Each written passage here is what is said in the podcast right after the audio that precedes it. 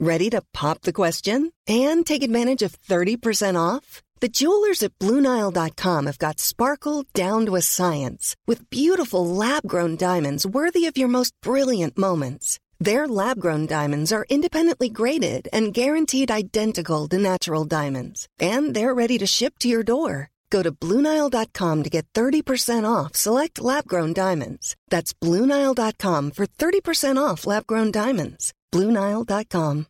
One size fits all seems like a good idea for clothes until you try them on. Same goes for healthcare. That's why United Healthcare offers flexible, budget friendly coverage for medical, vision, dental, and more. Learn more at uh1.com. Want to teach your kids financial literacy, but not sure where to start? Greenlight can help. With Greenlight, parents can keep an eye on kids' spending and saving, while kids and teens use a card of their own to build money confidence. As a parent, you can send instant money transfers, set up chores, automate allowance, and more. It's a convenient way to run your household, customized to your family's needs, and the easy way to raise financially smart kids. Get started with Greenlight today and get your first month free at greenlight.com/acast. Frågan jag som bosparare behöver ställa mig är att motsvarar värdet av de här bosparpoängen en högre avgift, en sämre avkastning och en sämre skattesituation? Och sen så tänker jag också så här, på vilket sätt motverkar låga avgifter HSBs syfte med bosparandet? Du lyssnar på Rika Tillsammans-podden som handlar om allt som är roligt med privatekonomi. I den här podden får du varje vecka ta del av konkreta tips, råd, verktyg och inspiration för att ta ditt sparande och din privatekonomi till nästa nivå på ett enkelt sätt. Vi som gör den här podden heter Jan och Caroline Bolmesson. Idag är det dags för avsnitt 161 och eh, detta är ett lite extra insatt avsnitt. Vi hade egentligen planerat ett avsnitt om kryptovalutor. Ja, det Eh, kommer senare. Det kommer senare, utan eh, det är ju så här att förra veckan så gjorde vi ett avsnitt om HSB Bospar, där vi egentligen den springande frågan var för oss så här, ska vi fortsätta spara våra pengar i HSB? Mm. Eh, och det var ju till följd av en läsarfråga. Ja, så precis. Ja.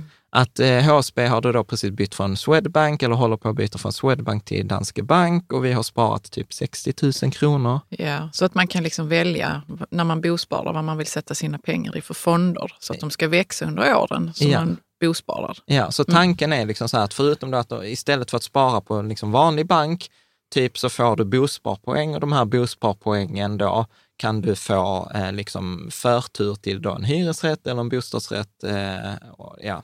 Mm. Så att, eh, och, ja, så att that's basically it. Frågan var ju om vi ska fortsätta bospara till våra barn ja, eller om vi inte ska göra det för att vi, vi tittade på Ja. HSB Bospar och funderade. Precis, och det, det som vi egentligen eh, då konstaterade då, det var ju att eftersom det här sparandet tyvärr inte är optimalt, utan det, det var dyra fonder och det var liksom inte skatteoptimalt, så blir det ju plötsligt att du får mindre pengar, alltså rent konkret av att spara hos, hos HSB. Och det är ganska, Än om man skulle satt dem i en... i en fondrobot Ja. eller gjort det på Avanza eller Nordnet.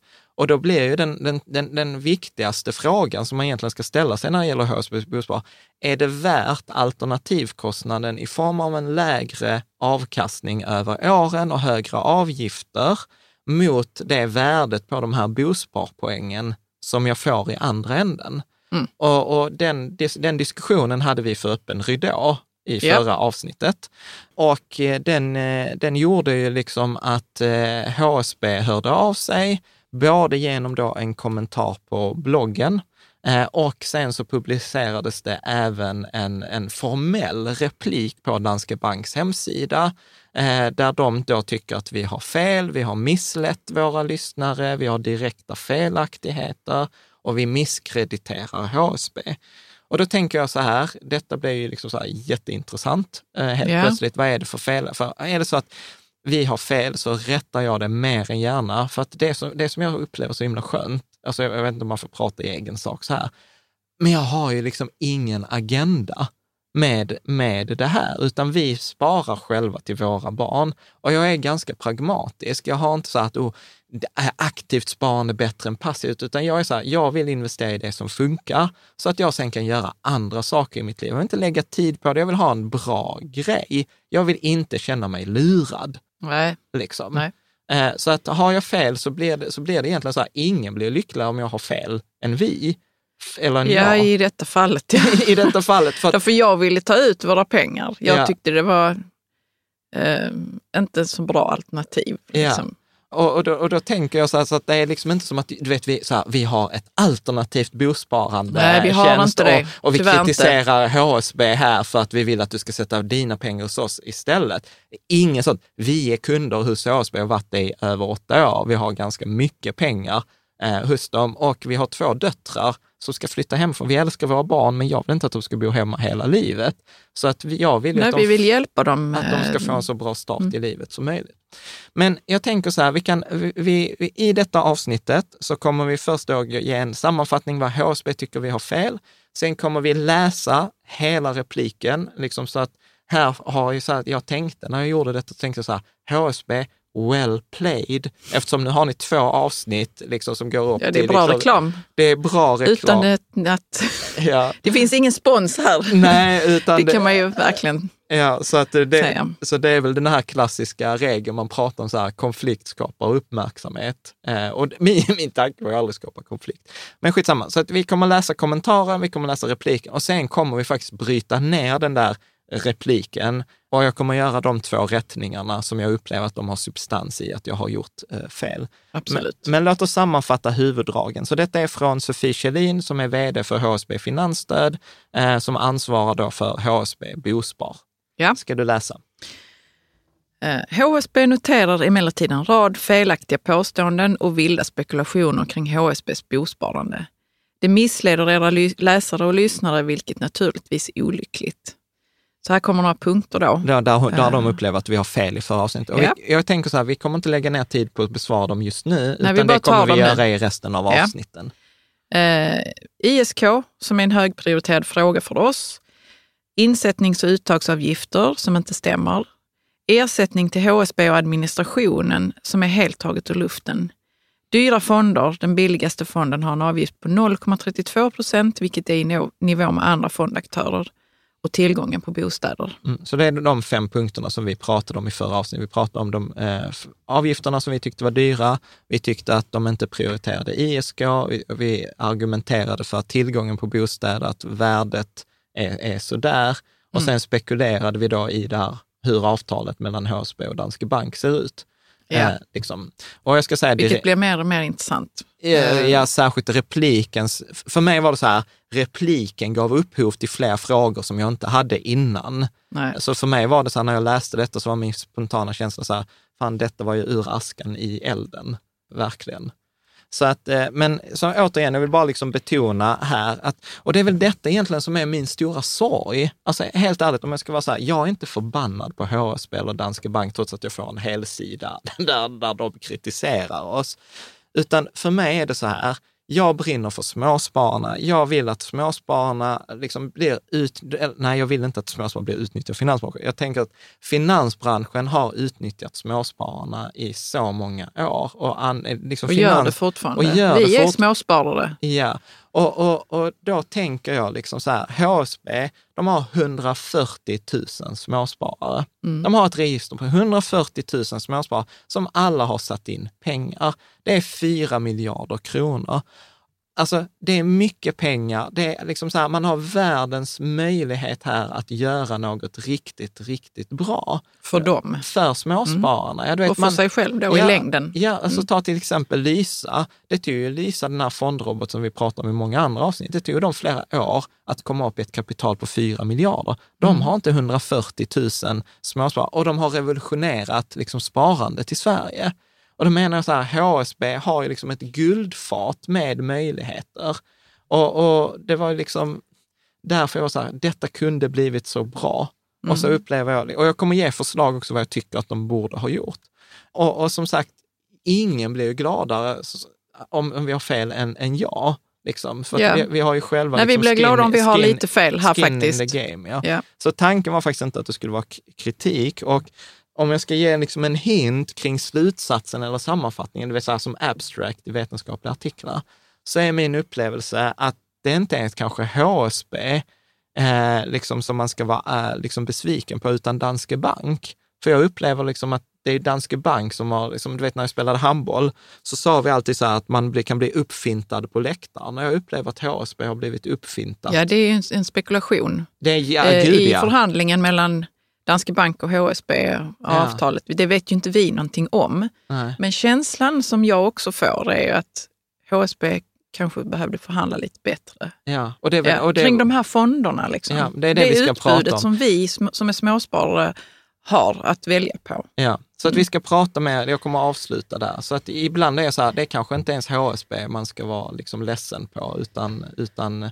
säga så här, ja, skitsamma, vi, vi, vi hoppar rakt in i det, Ja, jag. vi ska ta ansvarsbegränsning av villkoren innan vi ja, kör så, igång ordentligt. ja, det, jag tror att det är obvious att avsnittet inte är Nej, sponsrat. det är ingen som har sponsrat. Eh, viktigt att säga att när vi kommer att prata om fonderna, vilka fonder man ska välja, det är inte personlig rådgivning, det är allmän eh, information som är dessutom är subjektiv, obviously. Historisk avkastning är inte en garanti för framtida avkastning, så när vi kommer jämföra Danske Banks eh, fonder med indexfonder så är det ingen garanti för att det kommer vara så, men oddsen är ganska höga. Investeringen kan både öka och minska i värde och det här avsnittet är då sammanställt med källor från HSBs hemsida, från Danske Banks hemsida, från BNP Paribas, eh, Dagens Industri, Småsparguiden, eh, liksom forskningsrapporter etc. Det är ju det vi gör, vi gör ju research. Och fullständiga... Vi läser forskningsrapporter ibland. det är den researchen också. Ja, ja, ja, ja, precis. Jag gör inte Du gör inte egen forskning här. Nej, Nej, nej, men vi sammanställer ibland. Ja, så att eh, jag tänker så här, ho- vi hoppar rakt in. Så detta, det som Caroline kommer att läsa nu, det är från då Danske Banks hemsida, där jag tror det är HSB som har skrivit detta. Liksom. Så jag fattar egentligen inte varför HSB försvarar Danske Bank, men skitsamma. Ja, Eh, vi vet inte. ja. Men så här står det i alla fall på Danske Banks Hemsida. hemsida Next Economy. Ja. Vad får bosparare för pengarna? Luft, slott eller lägenhet? Är det inte briljant copy? Alltså, Jo, det är de bra har, copy. De Det är det. har en duktig skrivare. Över 140 000 privatpersoner bosparar idag i HSB för att få en chans till en bra bostad när man flyttar hemifrån, när familjen utökas eller när villan känns för stor. Oavsett varför man bosparar är sparandet viktigt. Men vad får man egentligen för pengarna? Är det bättre med ett sparande i madrassen? I podden Rika Tillsammans riktas skarp kritik mot sparformen. En kritik som är full av faktafel och som därmed riskerar att vilseleda lyssnarna.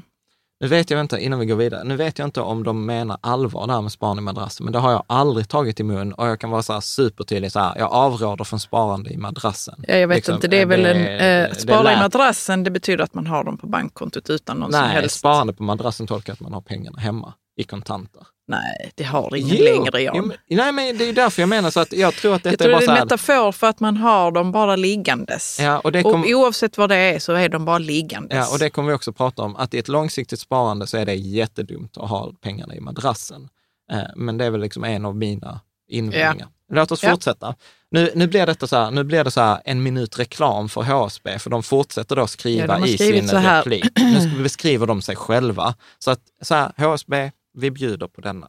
Kör. HSB är Sveriges största bostadskooperation med både hyreslägenheter och bostadsrättsföreningar i hela Sverige.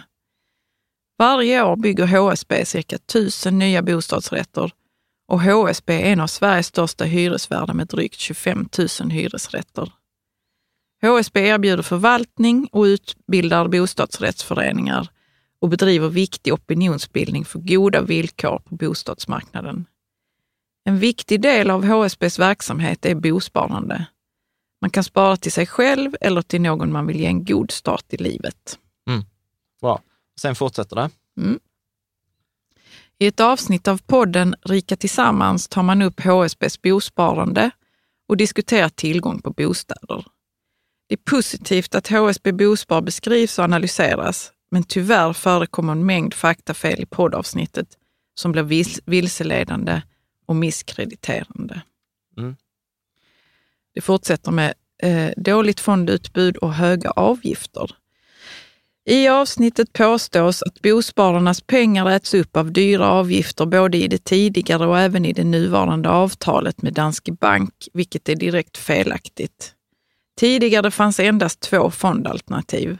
Idag finns elva fonder med olika avgifter och inriktning. Många sparare önskar en tydlig hållbarhetsinriktning i sina placeringar, vilket vi har, till, eh, har tillgodosett i det nya avtalet. Vissa av fonderna i utbudet är aktiefonder och andra är räntefonder. Mm. Bra. Mm. Så, nu, så här, nu börjar jag bli så här bara, okej, okay. så låt oss nu bryta ner det här. Så för att ge HSB, liksom, man ska ära den som äras bör. I detta fallet, så här, är avtalet bättre? Är fonderna bättre? Eh, liksom, har man fler alternativ i Danske Bank än man hade i Swedbank? Ja, man har gått från två till elva fonder. Men problemet är man kan inte bara säga så att det är bättre för att det är fler val. Man måste ju titta på de alternativen som har presenterats. Absolut. Och tittar vi på de här alternativen som har presenterats så påstår jag ju inte direkt att det, vad skriver de, att det är direkt felaktigt eh, att fondernas, eh, bospararnas pengar sätts upp av dyra avgifter, utan jag påstår att det gör de fortfarande. Så detta är ingen rättelse här, utan tvärtom, jag påstår ju att, att här har jag rätt.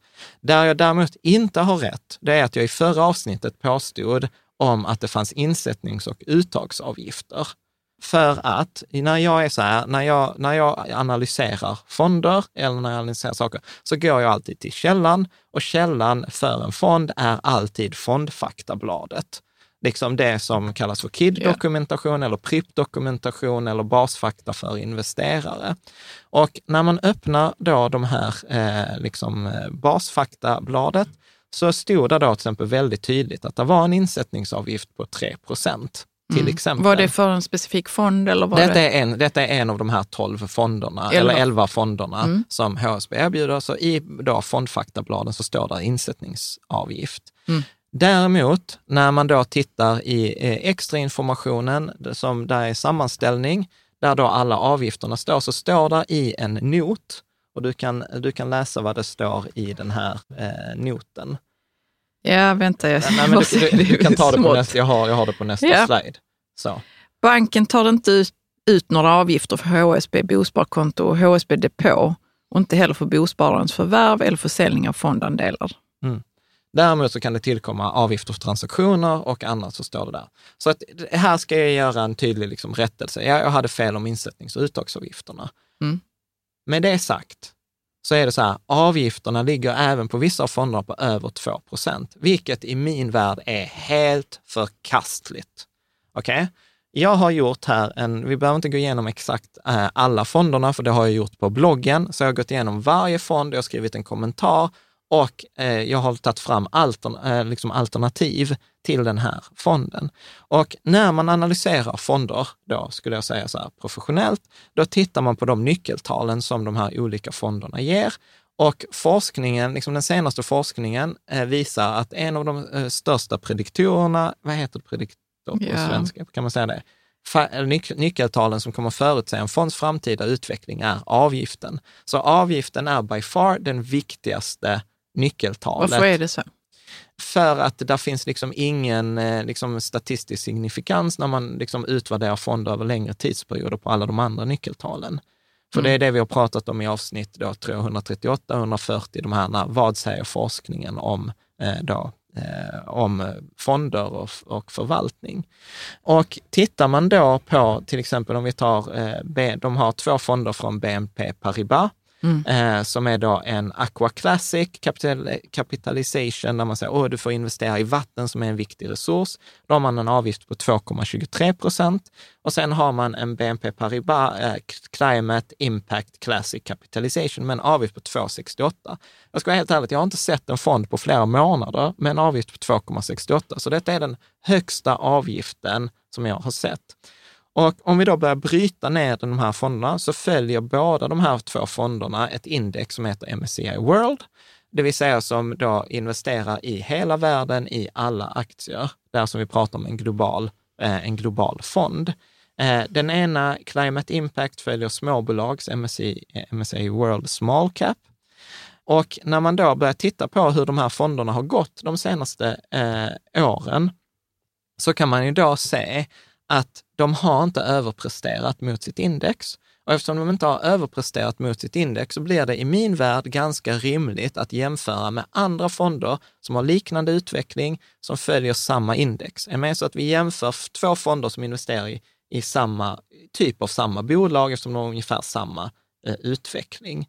Och då konstaterar jag på att varenda fond som Danske Bank erbjuder, så finns det alternativ på marknaden som har en avgift som är hälften eller fyra gånger billigare, eller i det värsta fallet 18 gånger billigare. Mm. Och då har jag liksom inte cherry-pickat, att jag har tagit så här, oh, jag har tagit den billigaste fonden i respektive nisch, utan jag har egentligen hållit oss till samma lista då som vi varje år gör, så här, bästa fonderna 2020. Och då har jag alltid minst tagit fram två fonder i den här tabellen. Eh, då. Och då har jag till och med hållit det till att har man en climate liksom impact, att man vill jobba med hållbarhet, så har jag tagit fram andra fonder, till exempel Proetos eller SPP Global Solutions eller liknande. Så att jag påstår att när jag tittar på den här listan så är det inte liksom en åsikt att de här HSBs, eller Danske Bank, det är inte HSB, det är Danske Banks fonder, är nästan minst dubbelt så dyra. Mm. Men det, det, är ju bara att titta på den här tabellen och så, så, så säger jag liksom så att avgiften i min kolumn är liksom mycket lägre än avgifterna i deras kolumn. Och då kan man säga så här, nej men det är inte identiska fonder, men låt oss då liksom titta på det. Utan det jag upplever här är att, att Danske Bank har gjort en classic i finansbranschen. Och en classic i finansbranschen, det är att man paketerar saker snyggt. Man gör liksom snygga eh, broschyrer, man gör ett fantastiskt marknadsmaterial. Liksom här till exempel. Alltså med snygga broschyrer, om, om man nu inte tittar på det här så kan vi berätta att då är det ju sådana här känslomättade bilder. Ja, och, och, och sådana eh, fantastiska, vi, vi har bildspelet, ligger ju naturligtvis i en länk i Som ska ge en en känsla av att man är del av någonting väldigt fint och stort. Ja. Liksom. Du vet, en bild på en pappa med sin son som fiskar och så står det “an investment with a green return”. Eh, eller liksom en, en bild på liksom ett barn som springer liksom i en vattenpöl. Är detta för den Aqua? Eh, ja, den första, jag, jag, jag, vet inte, den, den första är för Aqua, den andra är för Climate Impact, eller tvärt, ja. tvärtom. Jag tror inte det Alltså det är inte stor. förbjudet att ha, ha sånt här marknadsföringsmaterial och det ska man ha. Ja. Men, eh, nej, men, vi, kommer, men, vi, vi, kommer till det som är, som är upprörande. Eh, liksom. Men jag vill liksom så här, det, så här, Danske Bank ska ha cred för, de har en grym marknadsföringsbyrå eller grymma marknadsmänniskor. Men jag är ju så här, att jag vill ju gärna att det ska finnas substans bakom ytan. Alltså det är inget kul att yeah. ha liksom ett, ett hus som liksom så här, gör ytan, tapeterna ser jävligt bra ut, men liksom huset håller på att falla sönder. Och det är väl lite så det, det känns här när man liksom läser den här broschyren. An investment in the world's most important eh, resource och så här, be part of the green revolution eh, och sådana här saker. Och sen gör man liksom varenda så här classic grej. Man redovisar till exempel eh, avkastningen, historiken utan ett jämförelseindex. Ja, så det ser ju ut som man har en kurva som bara går uppåt då? Liksom. Ja, för att, för att, och detta är så här, återigen classic i finans. Söderberg Partners och massa andra gör exakt samma grej. Man redovisar en utveckling och så säger man så här, titta här, du investerade 100 kronor för fem år sedan. Nu är pengarna värda 160 kronor. Du har gjort 60 procent i vinst. Titta, du vet, jag har varit grym, för du har 60 procent mer pengar än vad du hade från början. Problemet, vad man inte berättar, är att man sätter inte detta i jämförelse med då till exempel index. Och index är ju då ett genomsnitt för hur marknaden går. Det vill säga, vad hade jag fått om jag istället för att använda din fantastiska hjälp bara hade varit lite, lite spånig och köpt alla aktier i hela världen, eller då motsvarande jämförelseindex, och låtit pengarna vara i fem år. Och, och, den jämförelsen är ganska svår att göra om man inte har gjort den innan. Och då, och, men då har jag liksom roat mig med att göra den. Så här så jag, vad har du gjort den? På Avanza? Då, då har jag gått in och tittat Det är på. det enklaste sättet. Ja. Om, man, om man vill göra sån här på... Om man själv vill jämföra? Ja, på 30 sekunder. Alltså detta är inget komplext. Utan man har ett konto på Avanza, man loggar in på, eller på Nordnet. Och, och, sen så tog man fram, så tog jag fram den här BNP Paribas eh, Aqua eh, CC-fonden med 2,26 i avgift. Och sen så tryckte jag på en knapp så här, jämför med andra fonder. Och sen så behöver man ju då välja en, en motsvarande då, eh, fond, så att man jämför äpplen och päron. Det är till exempel orättvist. Äpplen och äpplen. förlåt, man jämför äpplen och äpplen. Så att man, ja, men så att man inte jämför äpplen och päron. Jag kan inte Mm. jämföra en ny teknikfond med en fond som säger att vi har en liksom hållbar inriktning eller Nej. en räntefond med en aktiefond, för det blir ju snett. Så Mm. man behöver jämföra. Vad har du liknande. jämfört med här nu då? Ja, men eftersom de här fonderna pratar om att vi ska påverka hållbarhet, liksom vi ska påverka världen, så behöver man jämföra med en annan fond. Och då finns det ett antal hållbara fonder som har precis samma marknadsföringsmaterial och sånt. Och I detta fallet så har jag valt att jämföra med SPP Global Solutions. Ja. Det är alltså SPPs fond som har en avgift, tror jag, på 0,8. Alltså Mm. en tredjedel, alltså så här 70 procent rabatt får du med den här fonden. Och den här fonden där du får 70 procent rabatt har alltså en bättre, eller identisk, men bättre utveckling. Med? Så då blir det så här frågan, varför ska jag välja då BNPs, eh, då, eh, den här fondalternativet, när jag kan välja något som är tre gånger billigare och bättre? Nej. Att diffen Nej. här är på, liksom, tror jag, 55 procent och det andra var 40 procent. Ja, vad är det jag betalar för i den här Ja. extra avgiften Ja, egentligen? Och det- vad tar de pengarna vägen? Är det, Ja, liksom, vad händer med dem? Ja, och, och det är väl detta liksom som, som för mig dyker upp, att hur kan Danske Bank eller slash HSB, jag, jag tycker, så här, egentligen så tycker jag att HSB borde ställa de här frågorna till Danske Bank. Det är inte, det är inte HSB som har tagit fram fonderna, det är inte HSB som ska stå till svars för, Nej, för, för fonden, utan liksom, det var som någon läsare skrev, i, i den bästa av världar hade ju HSB tagit mina frågor och gått med dem till Danske Bank och bett Danske Bank förklara dem istället för att försvara sig. Och det är väl liksom, Det kanske de också har gjort, jag hoppas det. ja. Och, och här blir det också för att naturligtvis, jag kollar ju upp allting med liksom mina kontakter i finansbranschen så att jag inte är idioten i rummet. Och, och deras, så här, flera stycken har komment, kommentarer var så här, varför har HSB taggarna utåt? Liksom, Jag skulle gissa att, de, att det är skämmigt för dem. ja, Att de kanske har, eh, vad sa du, blivit uppsnurrade på på läktaren, läktaren. Ja. av Danske Bank. ja, men det kan man liksom... Mm, Det, sånt händer. ja. Sånt händer och då får man bara ta i det då. Liksom. Så här kommer tre frågor som jag tycker då, som jag har skrivit i mi- mitt svar på deras replik. Så här, att hur kan man motivera en, en avgift på 2,23 procent som underpresterar mot sitt index? Så det, det underpresterar mot det som det jämför sig mot självt och mot andra fonder som kostar hälften eller kostar en tiondel. Eller varför, liksom, och här är också en sån här grej där jag upplever att Danske Bank har snurrat upp HSB, eller alla andra. Som vi, vi tror att Som det vi kan tror. Vara så. Ja. Där, där liksom så här, att, där, att där, är en, där är en myt i finansbranschen. Så här, varför ska hållbara fonder kosta mer än vanliga fonder? V- vad är det som säger att en hållbar fond ska vara dyrare? Utan min spekulation, som liksom så bekräftas av mycket andra människor i finansbranschen, det har vi pratat om till exempel i avsnittet med Lysa eller avsnittet med Magnus Alfredsson från Proetos, är att de stora bankerna har svårt att ta betalt för aktiv förvaltning, det som var modet för kanske 10, 15, 20 år sedan. Och då har folk fått så här att alltså, har jag en aktivt förvaltad fond eller en indexfond så börjar folk fatta att indexfonden är bättre. Då kan man inte sälja eh, argumentet och säga så här, åh, vi har duktiga förvaltare som Jag liksom tror kan... För... fortfarande man säljer det. Ja. Ja, men det gör man.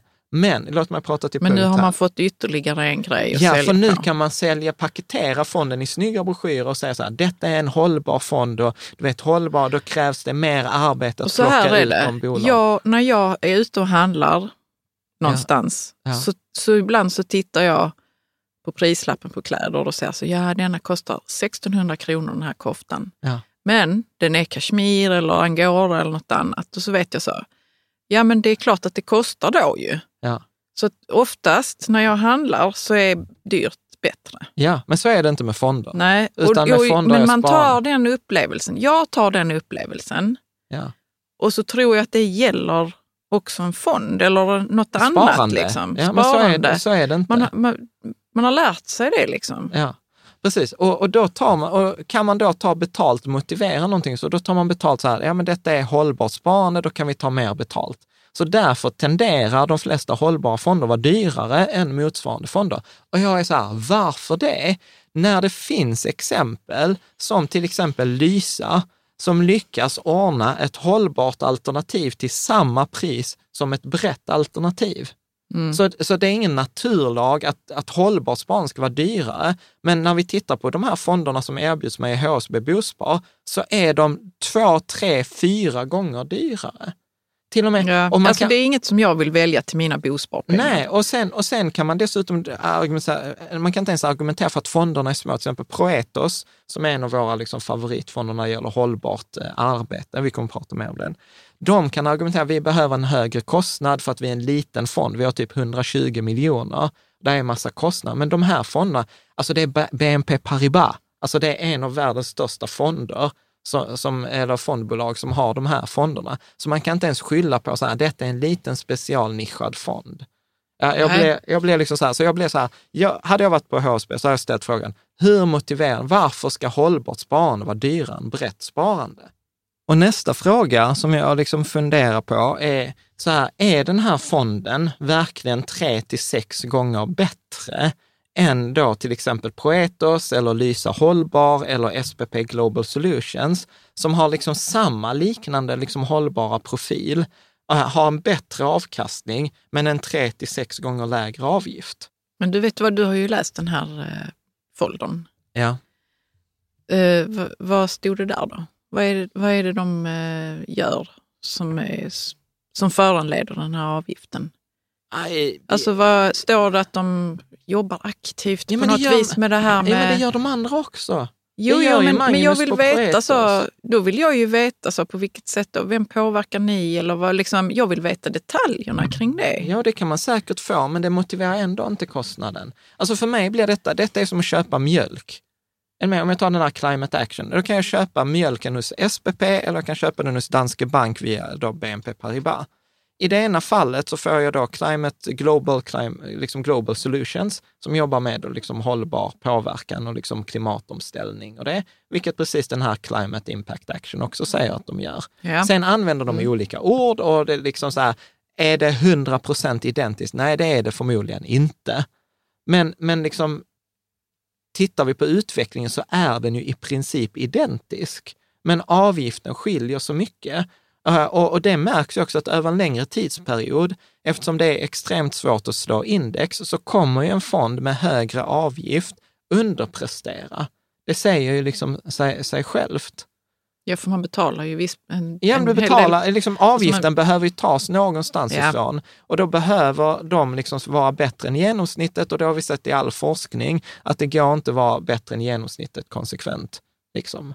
Och de har uppenbarligen, när vi bara tittar de senaste liksom, åren, har de inte varit bättre än genomsnittet. Nej. Så att jag, jag, jag, jag kan inte för mitt liv se någon anledning till den här höga avgiften. Särskilt inte när andra aktörer, och det är inte bara som att säga att och vi valde Proetos eller Lysa Hållbar, det är ju flera. Det är ju många sådana här aktörer på marknaden. Den, välja den enda likheten man kan väl säga är att skillnaden är, nej man kan inte säga, jag tänkte säga att det är storleken på fondbolag, men SPP är ju jättestora. Mm. Så att nej, jag, tyck, jag tycker inte det finns någon ursäkt. Verkligen, verkligen inte. Och sen kan man då argumentera för, ja men du vet den ena fonden jobbar med aqua, med vatten. Den tar bara vattenrelaterad verksamhet. Och då ska man återigen bryta ner det där. För det första så står det i fondvillkoren att det räcker med att 20 procent av ett företags verksamhet är relaterad till vatten för att kunna väljas in. Så att det är inte bara vattenbolag. Och då kan man ju ställa sig frågan så här, okej, så varför köper jag en fond med vatten? Okej, köper jag det för att det är en viktig resurs som det kommer vara brist på i framtiden och jag vill liksom se till att vattenförsörjningen blir bättre och att ha en bättre påverkan på klimat och miljö. För alla de här fonderna liksom pratar om de här FNs eh, hållbarhetsmål och så här. Och då blir jag så här, ja fast den underpresterar ju mot de här andra klimatpåverkansfonderna, eller hur? Så då faller ju det Men vad argumentet. sa du att det var 20 procent? Behöver, det bara, behöver bara vara 20 procent av, av ett verks... företags verksamhet för att kunna väljas in. Så att Ja. det är inte bara vattenrelaterat, det kan vara väldigt mycket annat också. Mm. Så, och då blir den andra, okej, men då vill jag välja den vattenfond för att det är en sektorfond eller en branschfond eh, och då kommer denna överprestera mot, mot andra fonder.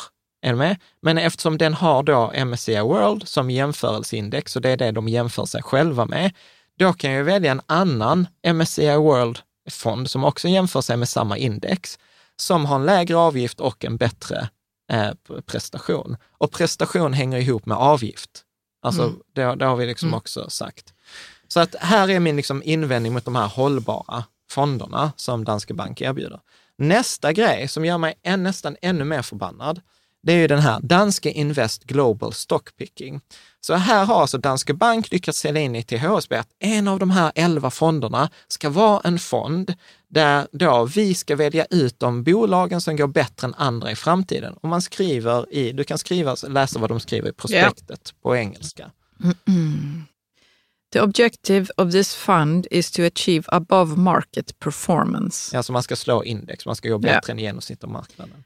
The fund invests mainly in equities from anywhere in the world that are expected to deliver highest returns. Mm. Så man sitter där på säljmötet för att höra så här, den här fonden, vet, vi har förvaltare här på Danske, Danske Bank, du vet, de kommer välja ut de bästa bolagen i hela världen. Vi har liksom ingen begränsning i Sverige, utan vi kommer plocka ut de bästa bolagen för dig som, kommer, som ska leverera en above, vad stod det? Above market performance. Above market performance. Och det säger ju sig själv, ska vi hitta bolag som finns i hela världen, som vi dessutom har en viss screening på, då, då behöver vi ju ta betalt, för det är mycket jobb. Men du kommer få en bättre avkastning, så det spelar ingen roll att avgiften är högre. Med? Nej, Eller hur? Visst låter det bra? Man är så här, ja men den fonden vill jag ha och avgiften är på 1,87 alltså, vänta här nu. Det som står här, Ja. det är ju väldigt diffust. Tycker jag. Ja. Alltså det, är inte, det finns ju inga detaljer här i denna texten, men det kanske Nej, men kommer. det, det, nej, men det står mer. Alltså det är ett helt prospekt. det är ett helt Jag- prospekt. jag- jag har det står mer. Ja, Mm, eh, visst, liksom. men det, var deras, det är deras intention i alla fall. Det är deras intention. Ja. Okej. Jättebra. Bra, så låt oss eh, kolla, jämföra den här fonden. Eh, i, så hur har den gått de här senaste 20 åren mot en liknande fond? Återigen, jämför äpplen med äpplen och päron med päron. Så jag jämför med Swedbank, Robur, Access Global. Återigen, ingen nischfond, specialfond, Swedbanks liksom stora globalfond som jag kan inte svära på den alltid har varit passivt förvaltad, men de senaste åren har den varit passivt förvaltad.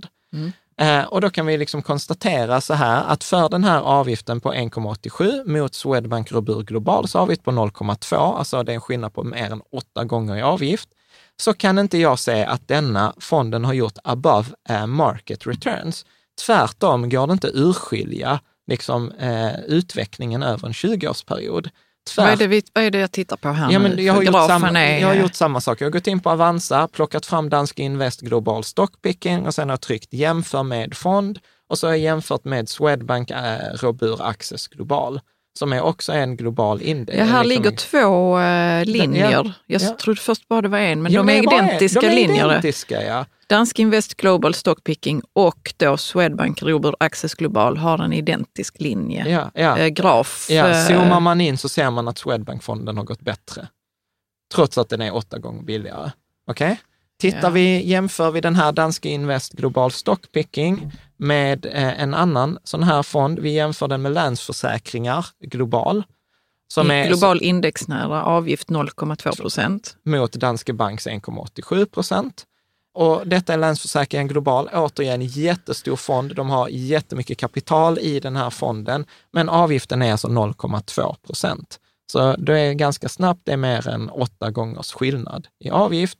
Du kan berätta vilka... Vad är det jag ser här? Ja, den blå Mm. linjen är Länsförsäkringar och den gröna linjen är Dansk Invest Global. Ja. Så den se- det, du har Länsförsäkringar global indexnära, då har den gått bättre ja, de senaste än fem... Dansk Invest Global Stockpicking. Ja, de senaste fem åren så har Länsförsäkringen gjort 55 procent och Danske Bank har gjort 40 procent. Man undrar ju vad det är för stocks de har pickat här.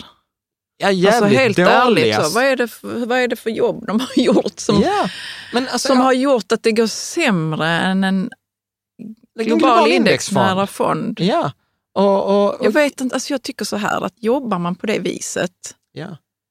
Men eh, för, så alltså, skäms man inte för att man gör sämre i en, den här typen av fond, stockpicking-fond. Alltså skäms man inte över att man har gjort ett så jävla dåligt jobb? ja.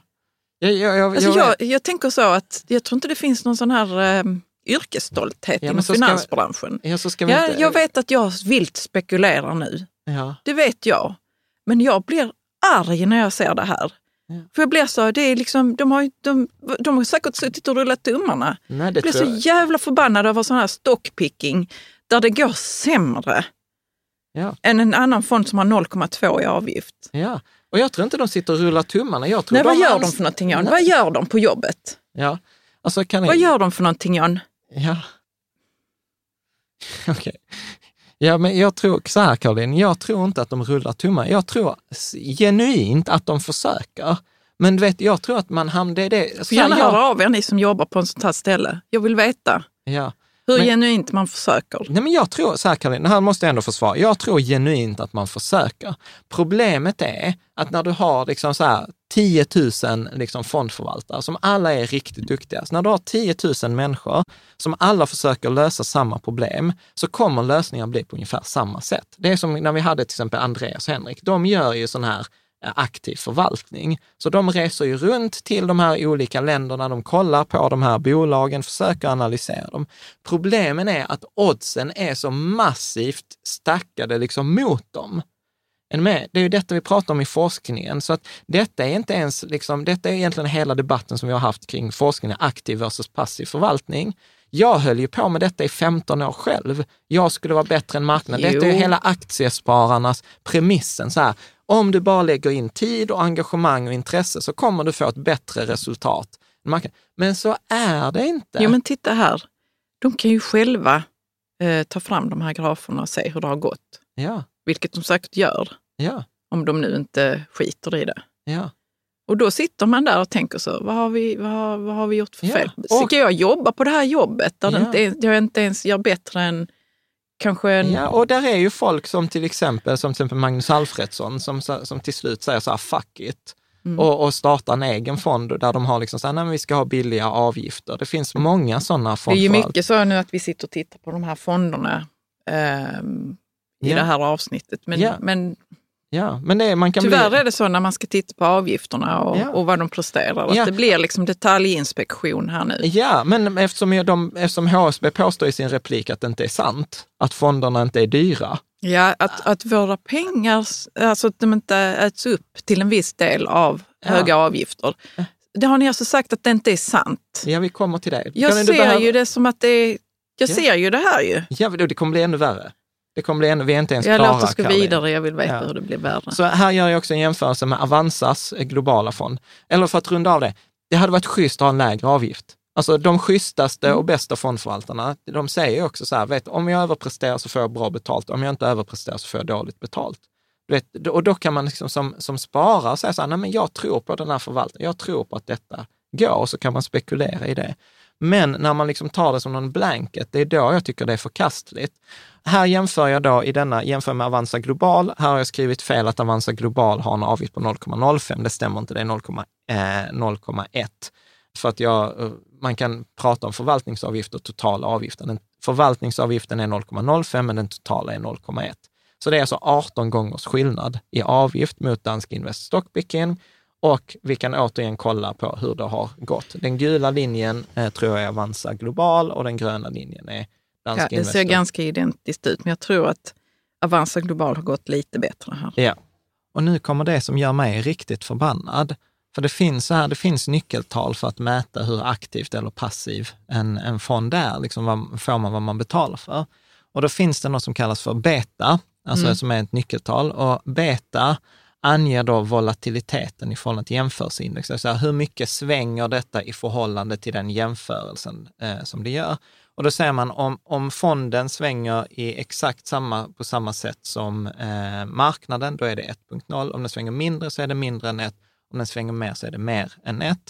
Sen finns det något som då kallas för R2 kvadrat eller R squared, som anger så hur stor del av fondens utveckling förklaras av den jämförelseindexet. Det vill säga för att om, om börsen kraschar, liksom som corona, så kan man inte rå fondförvaltaren för det, för allt kraschar. Mm. Och det tredje nyckeltalet kallas för tracking error. Och tracking error visar då avvikelsen mot jämförelseindexet. Och då vill man ju ha, på en aktivt förvaltad fond, vill vi ju ha en hög avvikelse från jämförelseindexet. Eller hur? Ja, att, eh, eller hur menar du? Det man vill att det ska... En aktiv, en, precis, en aktiv förvaltare ska ju ta, liksom, göra andra saker än indexet. För att om jag har ett lågt tracking error eller jag har liksom ett högt R2-värde, då kan jag lika gärna ha en indexfond. Då behöver jag inte betala någon. Nej, men vill ha något som skiljer sig jag, vill ha, jag vill att de ska liksom avvika. på ett positivt sätt. Ja, helst då. Liksom. Eller avvika överhuvudtaget eftersom det är det som jag köper när jag köper en aktiv fond. Men tittar man på de här olika fonderna nu, som liksom Danske Invest, då har den ett betavärde på 0,9, så den har i princip samma rörelse som aktiemarknaden, eller som sitt jämförelseindex. R2-värdet är 90, där man brukar säga att man avråder från eh, R2 på liksom över 85. Och den har då trackingar som ändå är ett helt okej okay på, på över 4. Tittar vi på till exempel Danske Invest Europe, som vi inte ens har pratat om, för vi har inte tid att prata om alla fonderna, då har den ett beta på 0,98, så sväng, den svänger exakt som sitt jämförelseindex. Eh, den har ett R-squared eller R2-värde på 95,8 och en tracking error på 3. Så att eh, liksom, den rör ju sig som en indexfond, men tar betalt eh, som en aktivt förvaltad fond. Ja, och det går ju inte att argumentera mot de och detta är siffrorna deras, då. Det, det är ju deras egna siffror. Mm. Samma sak som eh, den här Beta, eh, eller vad förlåt, Dansk Invest Sverige, liksom den svenska fonden, beta på 1,0, så den rör sig exakt som sitt jämförelseindex. De har inte redovisat något R2-värde och tracking erroret är på 3. Liksom. Så återigen, så för mig blir ju detta att detta är aktivt förvaltade fonder, men det är egentligen förklädda indexfonder.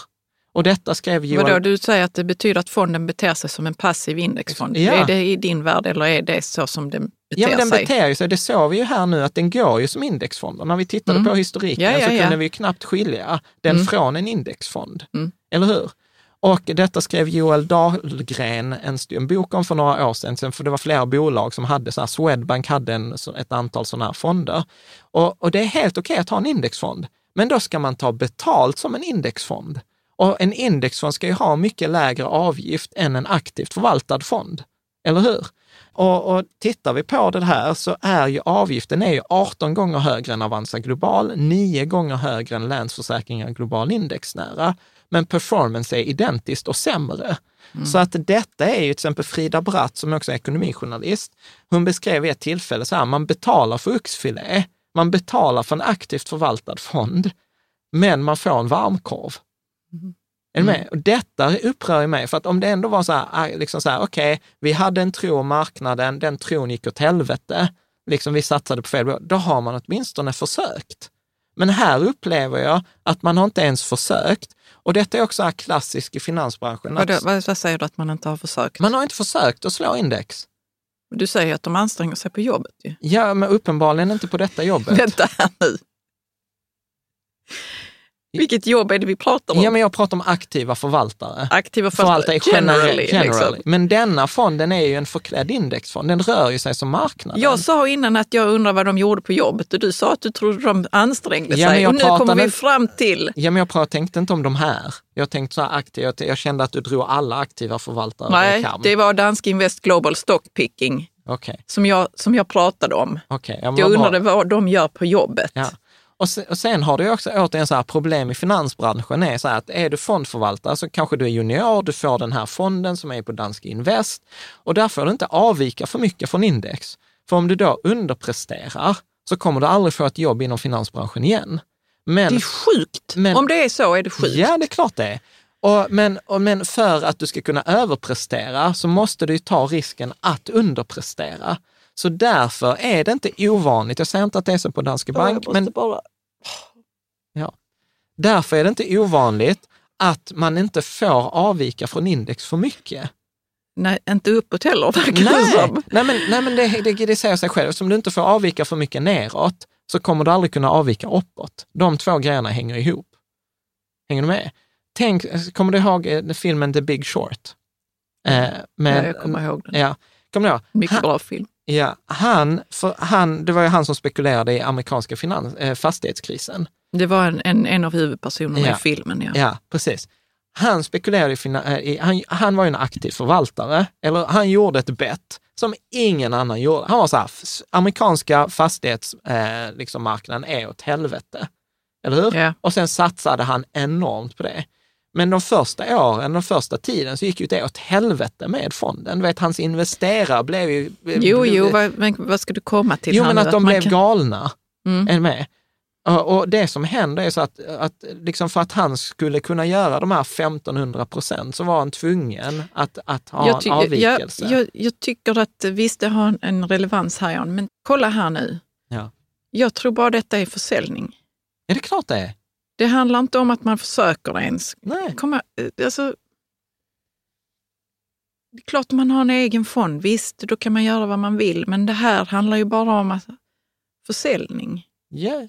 Och det är kanske så här, du vet, vi kanske, du vet om förvaltaren till detta så kommer han vara så här, shit, de är dumma i huvudet, det är klart jag försöker.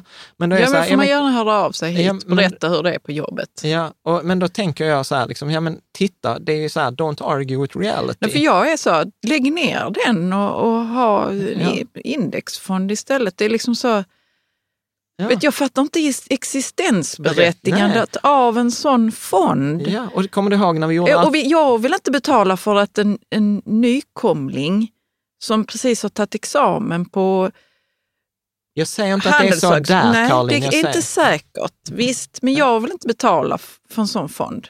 Eller Nej. för att någon ska lära sig på jobbet eller whatever som händer Ja, på kontoret Ja. där de sitter och förvaltar denna fonden. ja. Det kanske är helt tomt där det kanske bara är en dator som, som håller på med sin... Nej, man vet inte, ofta är det team, Caroline. Så att, och det är inte bara att det är liksom en så här juniorförvaltare, ofta jobbar de ju i Ja. team och man kommer in på ett sådant paket. Ja, men skitsamma. Eh, så att, ja. ja. Detta var vår, vårt lilla rant eh, på, på det där. Om vi då ska, jag vet inte var vi går vidare. Vi går vidare till de Nej, två. men jag sitter här och funderar på HSB som då... Som då ja, eh, Nej, men så här, jag tror så här, jag tycker det, det, det, det, det, är tufft.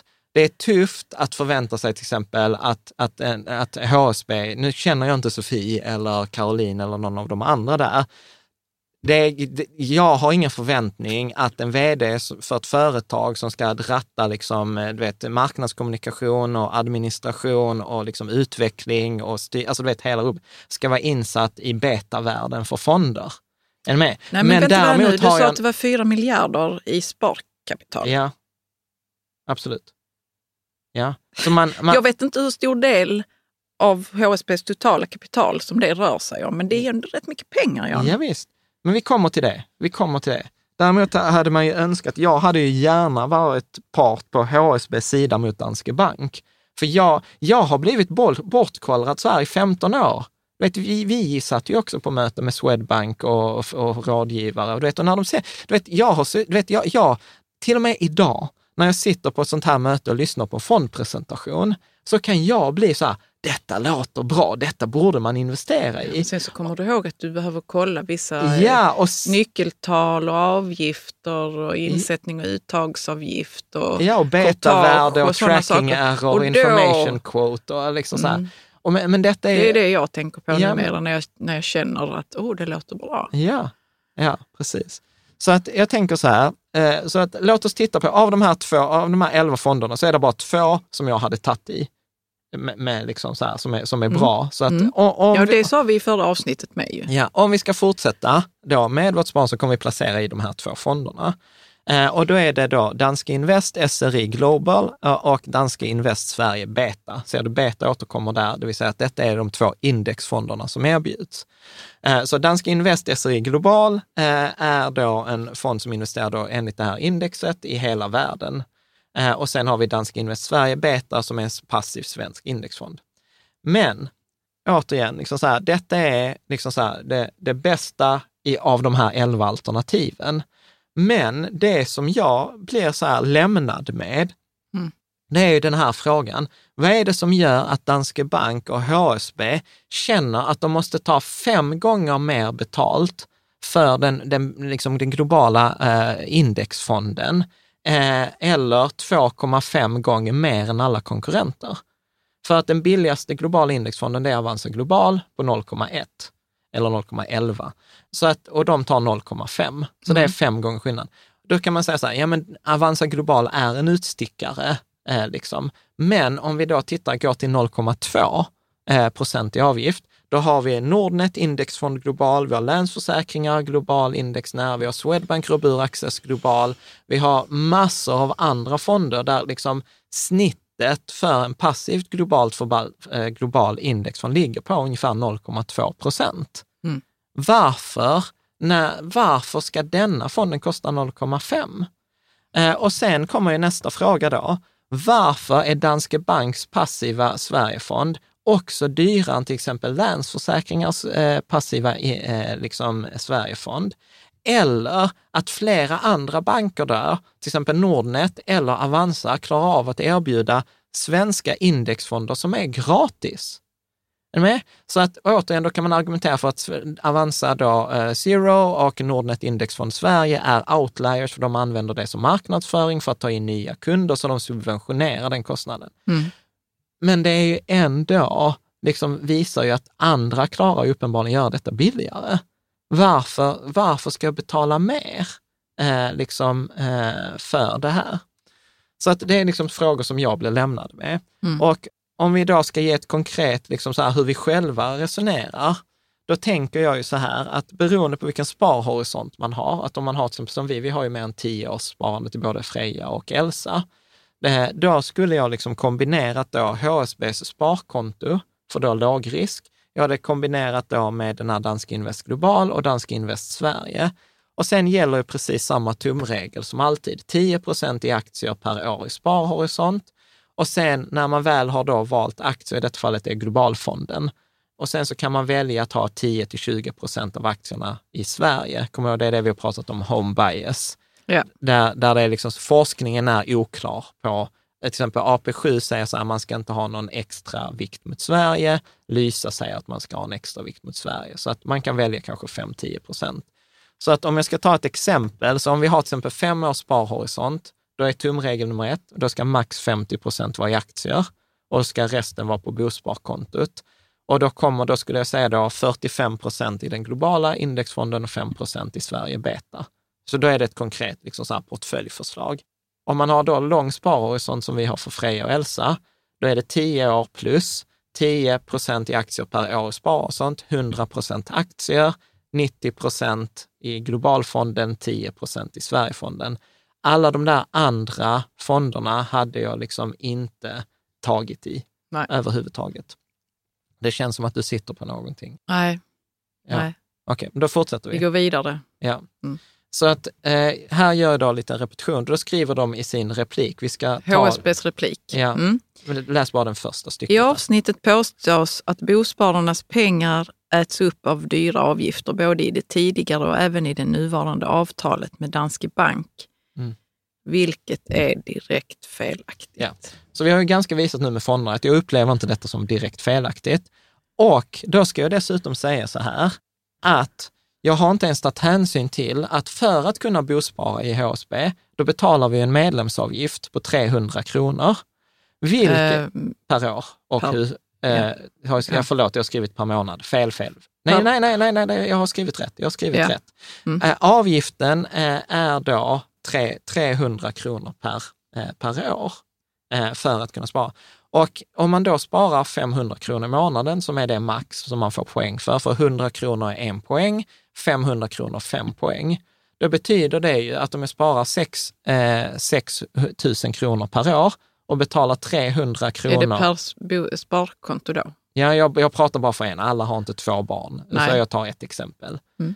Eh, Så om man då sparar 6 000 kronor och ska betala 300 kronor i avgift för att få lov att spara, så är det ju som en insättningsavgift på 5 procent. Ja. Eller hur? Mm. Så att mm, avgifter, avgifter, avgifter.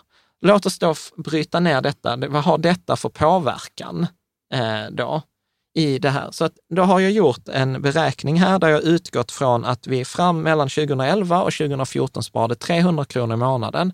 För förr fick man bara tre poäng. Och från 2014, maj tror jag att det var, så har vi sparat 500 kronor i månaden. Och här utgår jag då från fondens avkastning, då historisk avkastning. Vad jag har gjort, om den, någon som vill återupprepa den här beräkningen, det är att jag har gått in på då respektive fonds faktablad. Jag har tagit den historiken som fonden har redovisat för varje år och sen har jag då gjort som ett årssparande. Det året satte vi in 3 600 kronor, fonden fick denna avkastningen. Och jag har inte räknat med den här medlemsavgiften. Okej? Så då får vi en kurva som ser ut så här, där vi väldigt tydligt ser att index har högst avkastning, men index är ju utan avgift, så att det som kommer direkt efter är ju indexfonderna. Och det som har sämst, eh, eh då, eh, det som man tjänat minst pengar på, är då de dyra fonderna. Och för att istället för att göra en graf så, eh, eller ett linjediagram så har jag brutit ner detta då per de här olika fonderna och så har jag räknat så här, så vad är slut, det teoretiska slutvärdet om vi har sparat 2011 till 2019 mm. eh, då? Och då kan man se att index hade då med de här förutsättningarna gett 91 900 kronor. Länsförsäkringar, då, som är så här, eh, då ett alternativ som är billigt, hade gett 91 108 kronor, det vill säga väldigt identiskt med index, vilket säger sig självt. Sen kommer ju då den här BNP Paribas Climate Action med 2,68 procent ut i, i, avgift. Då har den gett 75 000. Är med? Så vi pratar 91 000 eller 75 000. Det är alltså 15 000 kronors skillnad, alltså lägre. Det är avkast. ju ingenting. Nej, nej. Det är, det är ju ingenting. Tittar vi på den andra BNP Paribas, eh, den här Aquafonden, eh, 2,23 procent, då har den gett 81 000. Fortfarande ganska 10 000 kronor skillnad mot index. Global Stockpicking är totalsämst, 70 470 kronor, alltså 20 000 kronor lägre avkastning över den här nioårsperioden. Och sen har vi då den bästa i det här urvalet, Danske Invest Global, 89 592 kronor. Mm. Återigen, passiva, passiv, eh, liksom, över långa tidsperioder kommer eh, liksom en indexfond alltid prestera bättre. Eh, den genomsnittliga indexfonden kommer alltid prestera bättre än den genomsnittliga aktivt förvaltade fonden. Däremot, ännu intressantare blir detta när vi sätter avgifter i förhållande till den här avkastningen, vilket jag har gjort i nästa graf. Och då kan vi ju se här att då om vi tar Länsförsäkringar Global, så under den här tioårsperioden där man då fick 91 000, då har man betalat 750 kronor i avgift. BNP Paribas Climate Action, där jag fick 75 000 istället för 90 000. Vill du berätta hur mycket man har betalt i avgift? Det är den orange. 9 011 kronor. För jag har betalat 9 000 kronor, det vill säga jag har betalat 8 200 kronor mer i avgift för att få 15 000 kronor lägre avkastning. Och, och fortsätter vi liksom titta på de andra, BNP Paribas Aqua, jag har betalat 6 344 kronor i avgift för att få 10 000 kronor lägre avkastning mot indexfonden. I Global Stockpicking har jag betalat 5 800 kronor i avgift för att få 20 000 mindre på kontot. Och eh, den bästa fonden då, Danske Invest Global, där har jag betalat 1 500 kronor för att få 89 592 kronor, det vill säga ganska nära. Det är därför vi pratar om den här Danske Invest Global, det är det bästa alternativet. Men det är fortfarande dubbelt så mycket än vad jag betalar på Länsförsäkringar Global under samma period och eh, liksom med lägre avgift.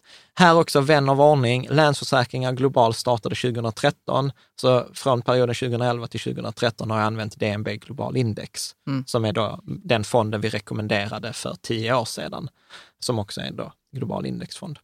Tittar vi på, eh, tittar vi på Sverigefonderna som Danske Bank idag erbjuder, så har vi då en Sverige-indexfond, om vi då jämför, alltså som till exempel Nordnet Indexfond Sverige, som är exakt samma index som de här andra, eh, då är avgiften på den noll. Då hade jag på samma period fått 83 224 kronor, medan då Danske Invest Sverige, den här förklädda indexfonden, har gett mig 73 500 kronor, det vill säga 10 000 kronor lägre eh, avkastning, men jag har betalat 1000 kronor för att få den här 10 000 kronor lägre avkastningen.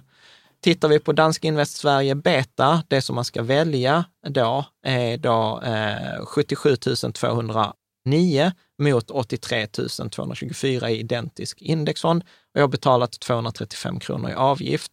Och om man jämför med den fonden som jag brukar rekommendera för Sverige, för jag är inte ett fan av varken Nordnet Index från Sverige eller Avanza Zero som är gratis, utan jag brukar rekommendera SEB Sverige Index som återigen, det är ingen liten bank, det är SEBs stora Sverigefond. Den har gett 81 166 kronor och en lägre avgift på 211 kronor. Så att, eh, liksom, och, och, lägger vi dessutom på den här liksom, avgiften med 300 kronor eh, per år, så blir, bosparande. bosparande så blir den här avkastningen ännu lägre. Eh, är, är du med? Och om man då dessutom ska gå på överkursnivå, så är alla Danske Banks fonder är av någon anledning eh, i, placerade i Luxemburg. Och det vet vi sedan innan att vi kan, här vet jag inte, för här måste man ha hjälp av Danske Bank eller av liksom någon myndighet för att utreda det här. Men generellt sett så kan man säga att en eh, fond som investerar från Luxemburg i en global indexfond har en sämre skattelösning eller en högre skatt, betalar en högre skatt än motsvarande fond som är placerad i Sverige, Irland eller Finland. Mm. Är, är, är ni med? Och denna liksom, interna skatteavbränningen, vi skrev om detta i förra julen, eh, när vi pratade om, när vi jämförde Avanza Global, som är placerad i Luxemburg, jämför med Länsförsäkring Global indexnära. Eh, Men varför vill man ha det i Luxemburg? ja, det är en bra fråga. Förmodligen för att man Var det kanske... bra förr eller? Nej, jag tror, jag, om jag skulle gissa så är det så att man vill sälja denna fonden i andra länder. Men utan att gå in på mycket detaljer så är det så här, en global indexfond placerar ofta ungefär 50 procent av kapitalet i USA. Och i USA kan man räkna rimligt att utdelningen är ungefär 2 procent per år. Mm. Så det betyder att liksom den utdelningen, och då, är det, då handlar det om skatteavtalet mellan olika länder och Luxemburg har ett sämre skatteavtal med USA än vad Irland har eller vad Sverige eller Finland har. Detta är så nörderi det kan bli. När vi hade den här diskussionen i förra julen, så jag har ingen förväntning att HSB ska kunna detta. Jag tror knappt de som förvaltar fonderna kan detta. Men det skapar ju en intern avgift på ungefär 0,1-0,2 procent som inte syns. Är ni med? Så att detta blir ytterligare en avgift som jag återigen spekulerar i att de här fonderna har eftersom de är placerade i Luxemburg. Men jag kan inte bekräfta detta utan hjälp från Danske Bank. Men när jag pratar med folk i finansbranschen så frågar jag uttryckligen, är det rimligt att göra ett antagande att en Luxemburgbaserad fond har en högre skatt på utdelningar från USA än en fond som är placerad i annat? Och då får jag svara så här, ja, det är ett rimligt antagande. Mm. Eh, ni med? Så att när jag då får höra då från att det är direkt felaktigt att bospararnas pengar äts upp av fondavgifterna så är jag bara så här, mm, ledsen, jag tror att ni Eller inte vi, har vi rätt. vet att det inte är så. Ja. Mm. Okej, Bra. Ska vi fortsätta med deras replik? HSBs replik. Eh, Om vi ser på avgifterna så har, ni den, så har den billigaste fonden idag en avgift på 0,32 procent. Det är i nivå med, de flesta andra fond, eh, med det de flesta andra fondaktörerna erbjuder. Så jag bara, eh, Det är det inte. Nej, det har vi liksom pratat om och det är dessutom lite roligt att det cherrypickas. För här cherrypickar de den billigaste fonden för näst därefter äh, aktiefonderna. Hoppet, hur stort är hoppet till nästa? Ja, men sen tror jag nästa är 0,5 procent och sen, Sen har vi ett vi- hopp över 1 procent Mm. eh, på alla, om vi bortser från räntefonder, men räntefonder är alltid billigare. Men bra, jag ska göra en parentes. Även deras billiga räntefond med 0,2 procent i avgift är dubbelt så hög som AMFs räntefonder eller SPPs eh, fond, räntefonder som är likvärdiga och som naturligtvis också har haft en bättre avkastning. Mm. Så att liksom, it's same, same. Ja, du kan fortsätta. Eh, Av det totala sparandet så väljer cirka 90 procent att spara på sparkonto. Och då pratar vi om det här totala sparandet i HSB Ja. Bospar. Ja. På ni- 4 miljarder. 90 procent att spara Ja, på så sparkonto. Så 3,6. de har alltså inte satt in sina pengar i någon fond. Nej. Så 3,6 miljarder av 4 är sparkonto. Jag fortsätter Då är läsa. det i madrassen kan man säga. Ja, Det innebär att de går miste om utvecklingen på börsen över tid och därför har vi utökat fondutbudet för att fler ska hitta alternativ som passar just dem. Samtidigt har vi förhandlat oss till en bra ränta på sparkonton för de som fortfarande väljer den formen av sparande. Jag tror inte att det är, eh, är så att, att de behöver fler fonder att välja på. Jag, jag tror de inte har fattat att man kan det. ja alltså, Alltså, att HSB har kanske, jag vet inte, det kanske inte varit så tydligt att, alltså, att man för- ska för- välja för någon fond för att få lite, rän- alltså få lite avkastning på sina pengar. Ja, Jag tror inte det handlar om att, att det har varit för få fonder, Fonder. att välja på, även om det har varit två. Ja. innan med Swedbank. De har och ju nu fortfarande är bara 11. två fonder som är valbara. I min värld, av de här elva, så är Ja. det fortfarande bara två som är valbara. Om Det ens är, det. det är bara det att innan så kunde man inte liksom misslyckas, för det fanns bara två att välja på. Nu kan jag göra nio av elva gånger jag kommer välja en fond hos HSB, så kommer jag välja en fond som kommer kosta mig mer pengar och ge mig en sämre avkastning än vad andra alternativ är på marknaden.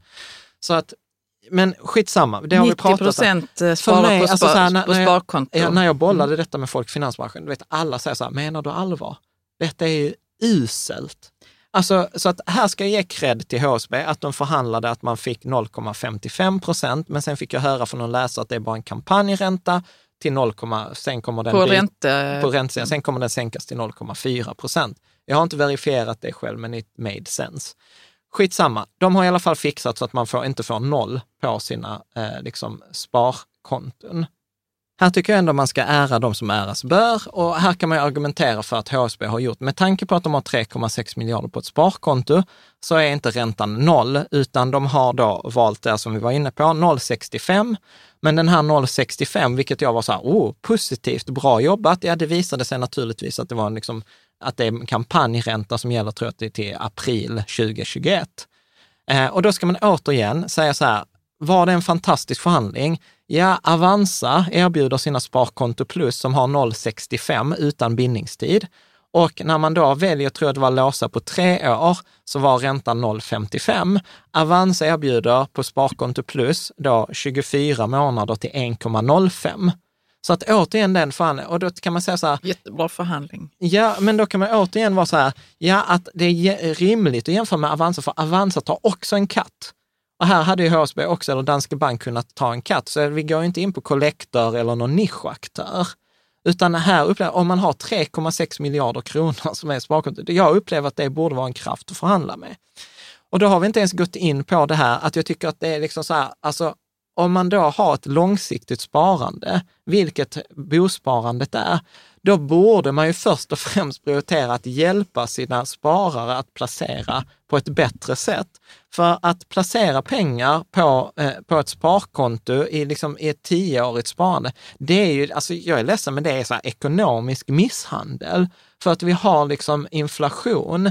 Och om jag bara tittade, så, nu gjorde jag ett exempel här, att jag gick in på ekonomifakta.se som har då svenska inflationssiffrorna. Och så tog jag ett exempel att om då någon har börjat bospara 2000 eh, och satt in 100 kronor på ett bosparkonto, eh, vad, hur mycket, och så säger vi så här att räntan har varit noll under hela den perioden, vilket inte är ett orimligt antagande, liksom särskilt de senaste liksom, åren. Ja, då har inflationen ätit upp 22 av de här 100 kronorna. Och även om man argumenterar för 0,5 procent i ränta, så må- inflationsmålet är att det ska ligga på 2 procent. Så det betyder att du liksom i genomsnitt ska förlora 1,5 procent eller 1,50 om året. Så att ja, jag, jag tycker ju detta är så Men vad var det hon Konstigt. skrev? Hon, eh, sk- skrevs det inte om att man inte hade sina pengar i madrassen eller vad det var? Ja, jag vet inte, men alltså så här, att hade jag haft 140 000 kunder eller 126 000 kunder, där liksom 3,6 miljarder är placerat på sparkonto, då hade jag satsat på en utbildningskampanj om jag hade velat ha mina bospars bästa i åtanke. Alltså för, för att jag, jag utgår ifrån, med tanke på väntetiderna för att få lägenheterna, så kan man ju utgå från att det, det är ju pengar som ska vara där i flera år. Och det är ju inte ovanligt då att det är kanske mer än tio år, med tanke på att det är folk som använder tusen poäng för att få en lägenhet. Alltså de hade, eh, nu vet jag inte hur mycket HSB tjänar på eh, att någon väljer fonderna ens. Ja, vi, vi ska komma till det. Men de, om det hade varit så, så hade de ju också tjänat pengar på att utbilda sina bosparare. Ja. Alltså jag, jag tycker Men så att det kommer eh, ett, det kanske inte finns något för dem att hämta i det alls. Nej, men och då tänker jag så, Danske Bank har tänkt så att HSB, ja, det är HSBs, eh, ja, det är, det HSBs kunder. ja.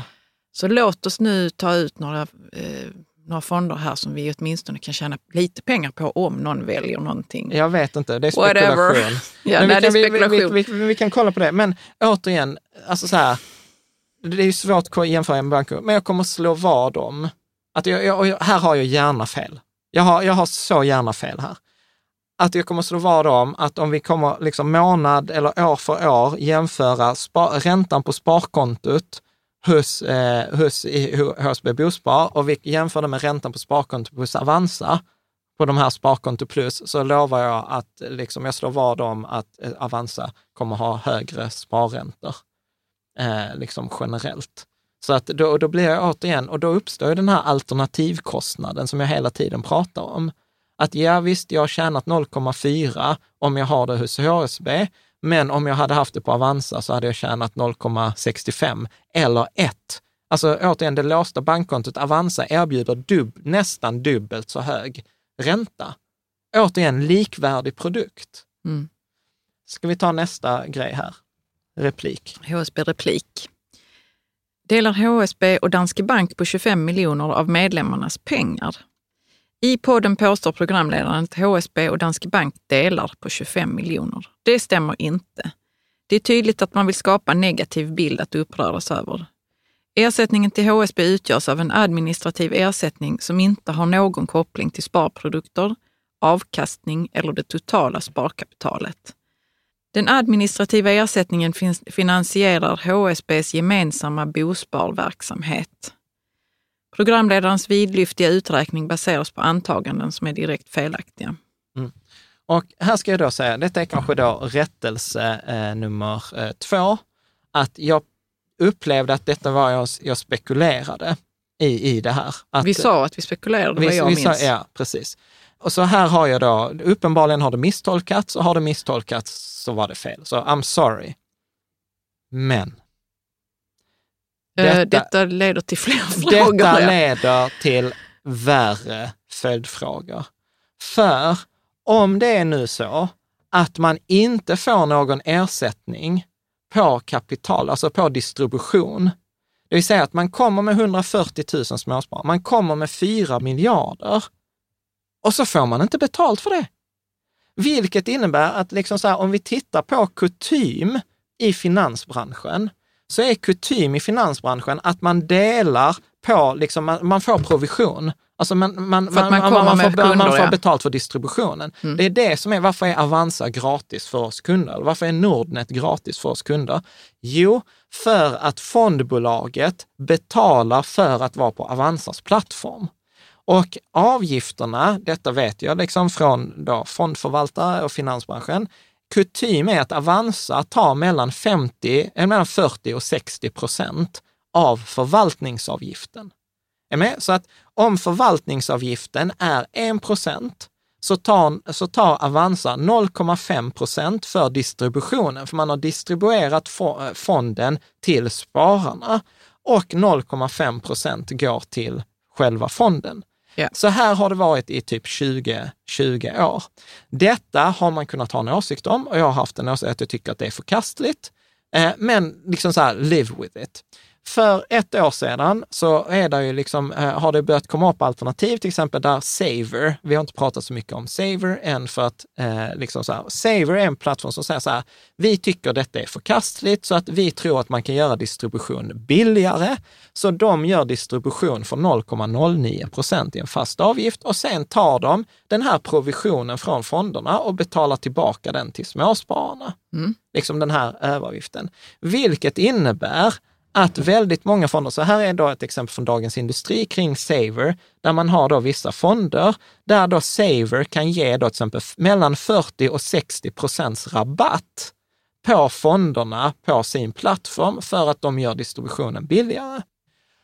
Om det är nu så att, att jag gjorde den felaktiga spekulationen, att jag utgick från att HSB fick betalt för distribution, vilket de uppenbarligen här skriver att de inte gör det, då blir jag ju väldigt nyfiken så här, fick Danske Bank behålla de pengarna? Så att Danske Bank betalar alltså halva fondavgiften för att kunna få vara med, eller runt halva fondavgiften för att få vara med på Avanzas plattform. Avgiften på Avanzas plattform är samma som den är uppenbarligen på Danske Banks plattform. Men här behöver inte Danske Bank betala någon avgift till HSB, för att få ha, ta del av kunderna? För att få ta, ta del, utan man betalar, en admin, man betalar en administrativ avgift. HSB betalar? Nej, Danske Nej, Bank Danske betalar Bank. en administrativ avgift. Ja. Men att avgiften inte har någon koppling till det totala som de skriver. Det har inte någon koppling till eh, sparprodukter, avkastning eller det totala sparkapitalet. Jag är så här, hur har man låtit Danske Bank komma undan med Ja, detta? de har kört över HSB, låter det som. Ja, Jag vet inte hur stor den här administrativa Undrar hur mycket avgiften de tjänar på HSB. Ja, ja, jag vet inte. Men alltså uppenbarligen har ju danska... jag- Detta, när jag läser detta så blir ju tolkningen, återigen en spekulation, jag är jättetydlig, spekulation, att Danske Bank har ju dragit det långa strået här. Mm. För, för att liksom, detta är inte något ovanligt, att man ger tillbaka den här provisionen. HSB kunde ju tagit, ja, precis som vilken distributör som helst, och sen bara lassat tillbaka pengarna till oss småsparare och bara skurit av det de behöver för administration. Jag fattar att det kostar pengar att driva ett, ett, ett, liksom en sån här organisation. Samtidigt så börjar jag också själv misstänka att om det nu är så dyrt och liksom att det krävs så mycket administration, så upplever så tänker jag direkt, kanske felaktigt på typ SAS och Norwegian. SAS och Norwegian. Vad tänker du då? då? Jo, men att SAS dras med liksom så här gammal administration, gamla system och liksom så här att det är svårt. Mm. Medan Norwegian kom som en uppstart eh, liksom att göra detta. För jag upplever så här, hade man gjort om HSB från början nu, då hade jag, så här hade jag gjort HSB Bospar. Om jag var så här, då hade jag gått till en aktör som Lysa, Optifund, en fondrobot som redan har en plattform, har en distribution.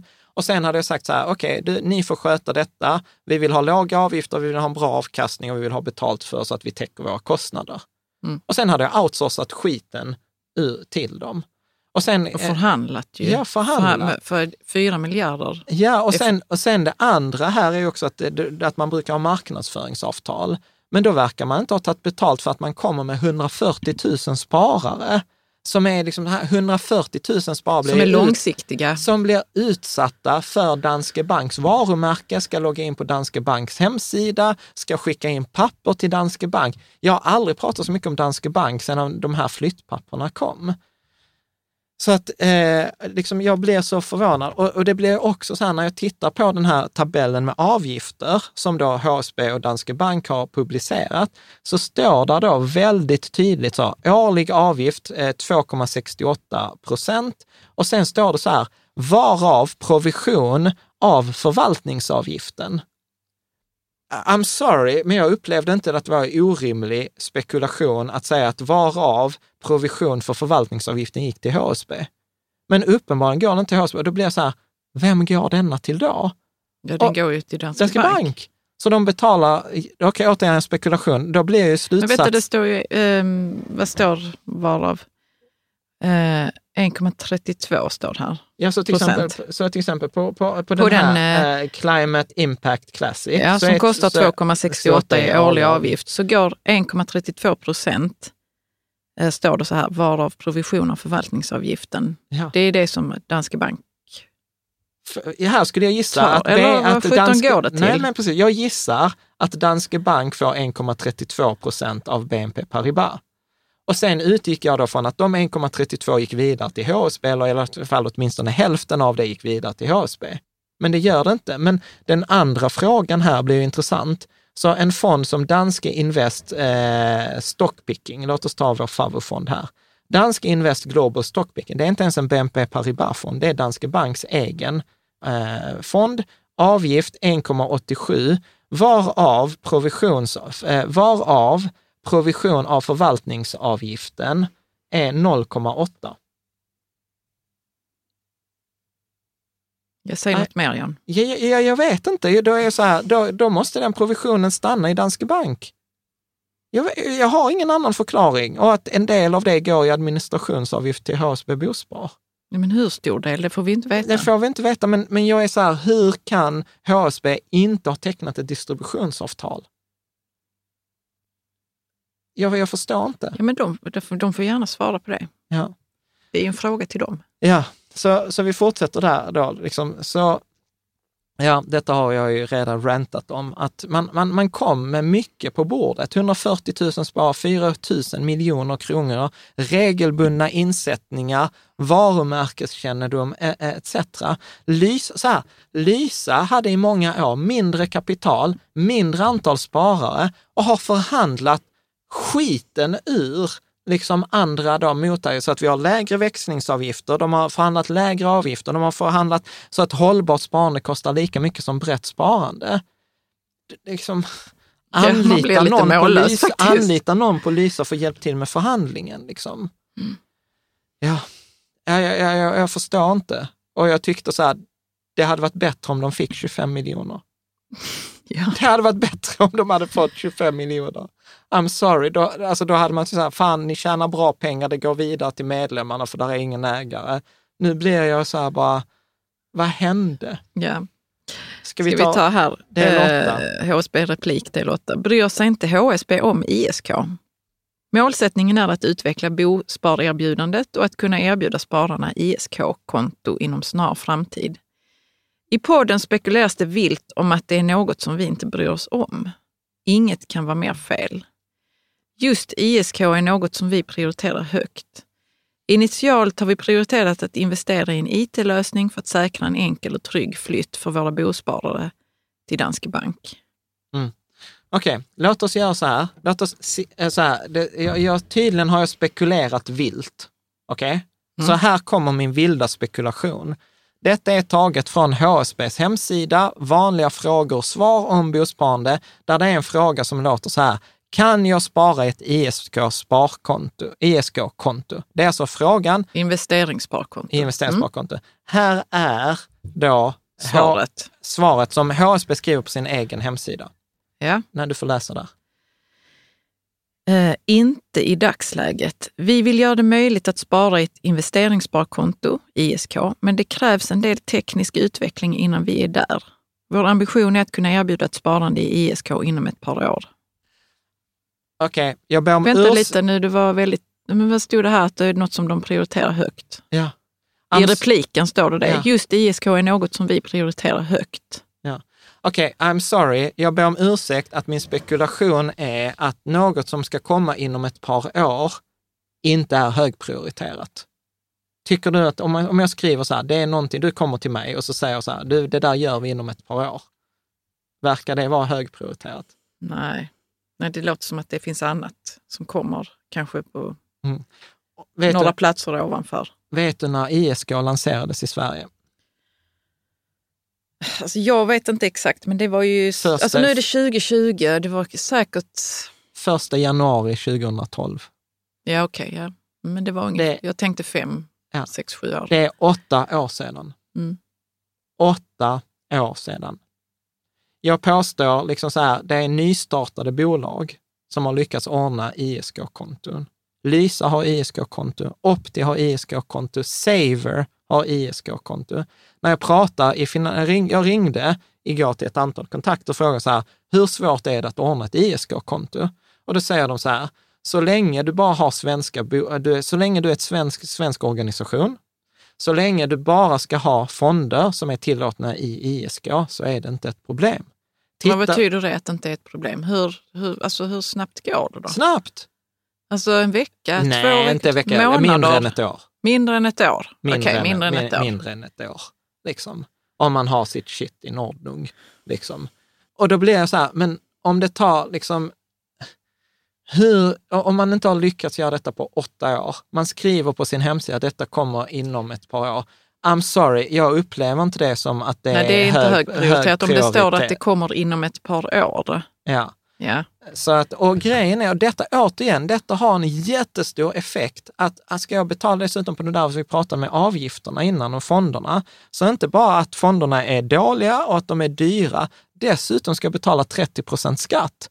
När jag egentligen hade kunnat betala 0,33 0,4 procent på kapitalet, På ett ISK. på ett ISK. Så att, nej, I'm sorry. Det kostar oss Det kost- det massor kostar av pengar det av att de, att, de, att HSB inte prioriterar detta som de skriver att de gör. Ja, så att eh, åtminstone ändra i så fall på er hemsida för, för liksom... Så det blir ännu mer diffust. Nej, om när men det ska alltså, så komma. att, eh, så att det, det kommer liksom. Jag, jag, jag, och jag tar gärna så här, ja men det kommer första kvartalet 2021. Mm. Bra, då har vi liksom en deadline. Men jag fattar ju också här att om, om det är så att av de här 3,6 miljarderna, eller av de här 4 miljarderna, så är 3,6 miljarder placerat på ett sparkonto. då innebär det att det är bara 400 miljoner som är placerade i fonderna Ja. som har nytta av ett ISK-konto. Och då, ja, då fattar kanske det inte är så och, och då är högprioriterat. det kanske inte högprioriterat. Och det är okej, men då behöver man ju liksom inte skriva att det ingenting kunde vara mer fel. ISK är något som vi prioriterar högt. Alltså Mm. jag vet inte, det, det, jag, jag, får- jag får inte ihop det. Liksom.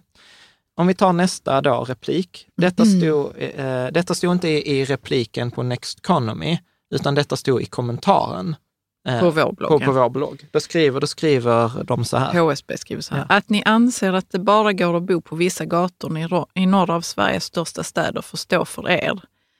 Samt att det skulle vara mindre bra att bo så att man behöver åka tunnelbana. Det är vanligt att adresser i centrala lägen är populära oavsett kösystem. Jag, jag kan säga så att jag förstår inte riktigt den här kommentaren. För Nej, att, vi, har, vi har inte tyckt att det går an att bara gå på, bo på vissa gator. Vi har väl Nej. bara tagit vissa, nej, nej, men, vissa adresser i eh, Stockholm, Göteborg och Malmö för att liksom... nej, men så här, så här Caroline, eftersom Ja. det var jag som, jag som förberedde där. Så, så Ja. här, för det första, jag är uppväxt på Rosengård i Malmö. Inte direkt eh, liksom Sveriges bästa område, om vi säger sådant. Där bodde jag i åtta år och gick på Örtagårdsskolan. Sedan flyttade vi till liksom Nydala, Almhög, Hermodsdal, Gullvik, det området i Malmö. Inte heller direkt de bästa. Så, och jag trivdes skitbra. Så jag har ingenting emot att man ska bo på fina gatan. Däremot så är det liksom det som jag tänker, så resonerar jag rent användningsmässigt. Om det är så att jag har ett behov av bosparpoängen, Ja, så är det för att komma, liksom, få tillgång till till exempel hyresrätter eller där i de bättre områdena, eftersom det ja är det är där för att man ska efterfrågan kunna är få stor. lite valmöjlighet. Va? Ja. För, Inte bara ta det som ges. Nej. Långt, långt ut, kanske så att man måste åka, ja, man kanske måste åka tunnelbana på kvällarna. ja, Tillbaks från universitetet. Ja. Och Ja. återigen, tunnelbana är väldigt specifikt för Stockholm. Så skit i Stockholm i detta fallet. Det jag tänker, Caroline, här är att det, Det här känns väldigt personligt menat.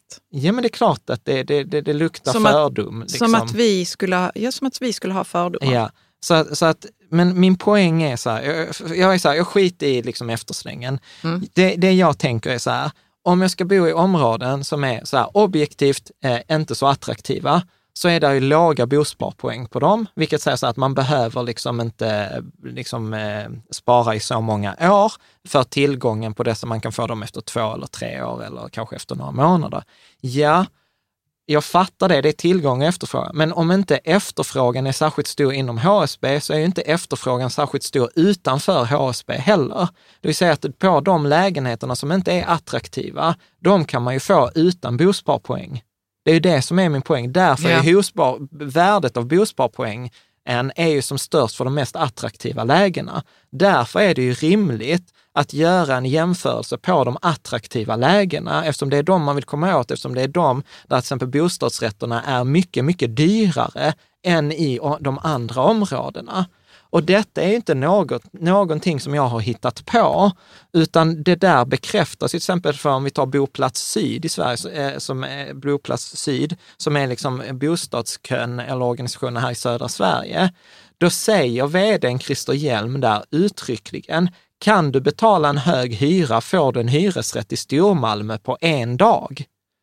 Så jag menar ju liksom att varför ska jag stå i, i kö i, och, och ha ett ooptimalt sparande i massa år och betala massor av avgifter och samla på mig bosparpoäng när jag skulle kunna ha ett bättre sparande och få en eh, lägenhet liksom som är dyr, vilket gör den oattraktiv på en dag, eller ett område som inte är attraktivt. Jag behöver liksom inte, i min värld... Då behöver man inte de bosparpoängen. Nej, nej, i min värld, om jag ska ha en lägenhet på Lindängen, vilket är helt okej, jag tränade på Lindängen och har hängt mycket både på Lindängen och Söderkulla och andra områden, Eh, där, där man kanske bara behöver 300 bosparpoäng, ja då behöver jag inte 300 bosparpoäng för jag kan ordna en lägenhet på Lindängen utan, utan HSBs hjälp. Och tittar man på Stockholm så är det exakt samma princip där, där eh, Svenska Dagbladet, eh, Näringslivsbidragen, skriver i en artikel som heter Bostadskön, nya lägenheter släpptes utan väntetid. Så skriver de så här, den som är beredd att betala för en hyra för en stor lägenhet i ett mindre attraktivt område kan slippa bostadskön. Så att mitt resonemang i förra avsnittet har inget att göra med att man bara kan bo på fina gatan, utan det handlar om värdet av bosparpoängen och värdet av bosparpoängen är som störst i de mest attraktiva lägena. Alltså är det det som är rimligt att jämföra. Mindre attraktiva lägen kan man ordna boende på själv för att bostadsrätterna är billigare och för att eh, liksom efterfrågan inte är lika stor på det sättet. Mm. Ja, så att, eh, ja, nej, didn't like that. Eh, så, och, och grejen är så här, om, om jag då tittar, det är en sak jag lärde mig när jag satt i första styrelsen, kommer jag ihåg Klas-Erik, han var så här, så här, du kritiserar inte ett förslag om du inte har ett bättre förslag själv. Så vad är vårt förslag, eller vad är Ja. liksom mitt förslag? Då tänker jag så här, Pensionsmyndigheten hade exakt samma problemställning. Vi har en massa sparare, vi har en massa sparare som inte är särskilt intresserade. Det är vårt ansvar att se till att våra sparare får en så bra pension som möjligt. Mm. Eh, så hur löser man det problemet? Eh, PPM, eller Pensionsmyndigheten, löste detta problemet genom något som kallas för Sjunde AP-fonden SOFA. När man sa så här, alla nya sparare i Pensionsmyndigheten som inte gör ett aktivt val själva kommer få vår standardlösning. Vår standardlösning går vi på det som forskningen eh, säger fungerar, det vill säga global indexfond till låga avgifter med regelbundet sparande kompletterat liksom med andras tillgångsslag, diversifiering. Liksom exakt samma problemställning som HSB har. Vi har en massa sparare, många av dem är inte intresserade, de vill bara ha liksom ett bra sparande, de vill ha liksom bonus på bosparpoängen. Hur löser vi detta problemet? Så hur hade, man kan inte kräva att HSB skulle starta en sjunde AP-fond, Nej, men däremot så skulle liksom man kunna gå till en fondrobot, för fondrobotarna har ju precis samma problematik. Så att varför inte liksom ge ett standardalternativ? Om man då har sparare som är ointresserade, varför inte ta lite ansvar och liksom överraska dem positivt?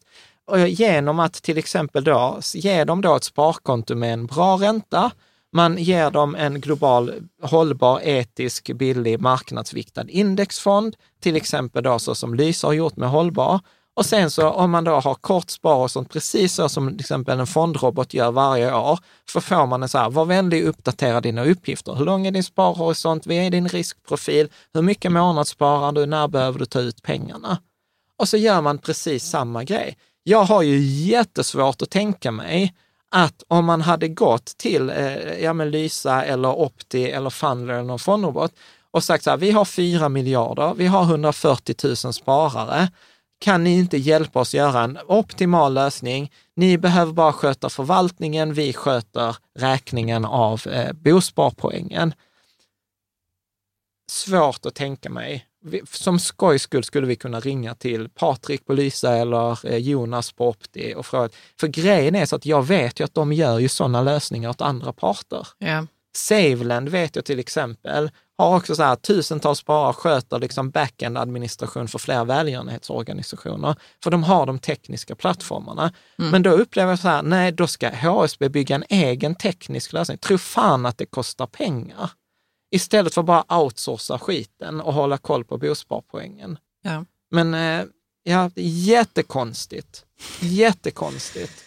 Och sen hade man kunnat få den här Danska Invest Global, liksom halva avgiften, eh, du har pengar och vill du verkligen vara aktiv så som man vill i PPM, ja då har du ett antal andra fonder att välja på. Mm. Jag vet inte, jag tycker inte det är en orimlig önskan. Nej, absolut inte. Ja. Så slutligen här. eh, HSB replik del 10 här. Vad får man för pengarna? Genom det nya avtalet får man möjlighet till bra avkastning på sina insatta medel samtidigt som man får poäng och plats i HSB bostadskö. Visst kan man spara i madrassen genom en sparrobot eller på ISK-konto. Det bästa sparandet är alltid det som blir av. Här måste jag säga att detta är ju en, förlåt, en ful argumentering. Man likställer tre grejer som inte direkt är lika. För det första, så är, vad är bra avkastning? Bra avkastning kan jag åtminstone tycka är index. Eller hur? Ja. Eh, Och jag tycker att det ska vara liksom billigt. Så här, här blir jag lite upprörd. Och man kan spara i madrassen eller i en fondrobot. och sen- Genom en sparrobot eller på ISK-konto. och, och det här också blandar man i äpplen. På så Jag här, tror inte de ISK vet vad en sparrobot är eller en fondrobot är för Nej, men någonting. så här, ett ISK-konto är inte en investering. En. I, ett ISK, det- alltså det känns ju fånigt att jag ska behöva förklara vad ett ISK är. Ett ISK är bara en skattekonstruktion som du lägger andra investeringar i. En sparrobot är ju de facto ett ISK-konto med fonder i. Att spara på madrassen, eller spara i, alltså, jag vet inte, jag, ja. Ja, ja man, man Andas. avslöjar Alltså här, lite grann någon slags okunskap här. Ja, alltså det, det är som att, att jämföra, liksom så här, man kan äta bil, äpple och eh, panerad fisk. Alltså, Ja. Strunt samma, man sparar inte i madrassen när man sparar i en fondrobot. Det gör man nej, inte. och man Det sparar liksom inte i madrassen långsiktigt för att pengarna äts upp av inflation. Och varför och en bra avkastning är väl åtminstone det som konkurrenterna kan uppbåda. Jag behöver inte vara sämst i klassen när jag har 140 000 sparare och 4 000 miljoner i kapital. Ja, vi fortsätter här med repliken. Men det är just kombinationen av avkastning, poäng och långsiktigheten som gör HSB Bospar intressant. För de som sparar till sina barn eller till ett framtida egna boende är det också bra att ha ett tydligt mål och syfte så att pengarna öronmärks till en kontantinsats. Ja, ja precis. Och, och det blir så här, det är ju inte liksom den relevanta frågan, upplever jag. Nej. Utan den relevanta frågan för mig blir ju så här, är HSB, är de poängen jag får? Eftersom sparande, om jag gör sparande på Avanza, på Lysa eller i HSB Bospar, det är en förvaltning av pengar. Är med? Pengarna har samma värde på alla tre ställena. Så det handlar om att jag får en avkastning. Således blir ju liksom den springande frågan är, är HSB-poängen värda alternativkostnaden i högre avgifter, sämre avkastning och högre skatt? Det är ju den enda relevanta frågan om jag inte har någon ideologisk grej kring att jag vill sponsra Nej, HSB. Absolut. Det är den enda frågan här som för mig som sparare är intressant. Och, och, inte, och, det var vdn som svarade detta ja. Nej, det stod i repliken. i repliken. Ja, Men vem har skrivit Ja, jag repliken? gissar att det är vdn. Det står ingen signatur. Och om vi då fortsätter på den här frågan, är detta värt högre avgifter, sämre avkastning och sämre skatt? Då får, då, kan man, då får man försöka kvantifiera det. Det gjorde vi förra avsnittet och då kvantifierade vi detta till mellan 10 och 30 000 kronor. Notera att det kom ingen invändning mot, mot den beräkningen. Eh, och då har jag inte dessutom lagt till 6 000 kronor i avgift, så egentligen är det ju 16 till 36 000 kronor. Som jag över- betalar över- för att få ha de här bosparpoängen. Om man utgår från vårt scenario med ett 20-årigt sparande till våra barn, där man sparar 500 kronor i månaden. Det, det, är, liksom, det, det är ju den kvantifieringen som, man, som jag behöver ta, ta ställning till. Så att i vårt fall, dessutom med två barn, så blir ju frågan, är det värt 26 till 66 000 kronor i mindre avkastning, det vill säga liksom alternativkostnad, för att få två gånger 1200 poäng? Det är den enda frågan som spelar roll. Ingenting, ingenting annat. Faktiskt. Eh, och eh, liksom eftersom alternativet jag kan göra är att jag kan ta de här pengarna som vi då sparar, de här 6 000 kronor om året, kan jag placera på Lysa, men då får jag ju inga bosparpoäng för, för det sparandet, men jag kommer få mellan 26 och 66 000 kronor mer. Alltså kan man ju räkna ut den här prislappen per poäng. Och jag ska vara helt ärlig så här, jag vet inte. Jag vet inte om, om jag tycker att det är värt det. Och sen som, An, vänta, vänta. Och sen som Anneli, en, en, spa, en sparare, kommenterade så här, på vilket, liksom så här, på vilket sätt motverkar låga avgifter och ett ISK-konto eh, liksom HSBs syfte om bosparande? Varför har vi ens argumentationen med HSB om avgifterna? Ja. Jag förstår inte. Det, alltså så här, eftersom de uppe, jag hade fattat om de hade tjänat pengar på avgifterna, men det skriver de ju uppenbart att de inte gör. Nej. Så varför har vi ens den här diskussionen? Och det är det som gör att min upplevelse är... Är min upplevelse med att, att, Att- att där- HSB har, har eh, de, har blivit uppsnurrade av Danske Bank. Ja, alltså att de har, gjort, de har gjort en dålig förhandling eller kanske ingen förhandling alls. med Danske Bank. Ja, jag, jag vet att jag har flera läsare som skriver att de har gjort en dålig förhandling. Och jag har ju svårt att försvara HSBs förhandling när vi liksom tittar på fakta. Eh, och liksom, om jag tar det ur Danske Banks perspektiv, så du vet, det är nästan att jag hade skrattat upp hela vägen upp på kontoret.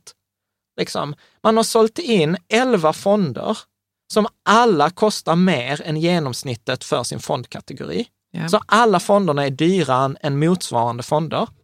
Eh, man har sålt in aktiv förvaltning som bättre än passiv förvaltning eftersom 9 av 11 fonder är aktivt förvaltade. Det är inte ens 50-50. 9 av 11 fonder är aktivt förvaltade, endast två är passivt förvaltade.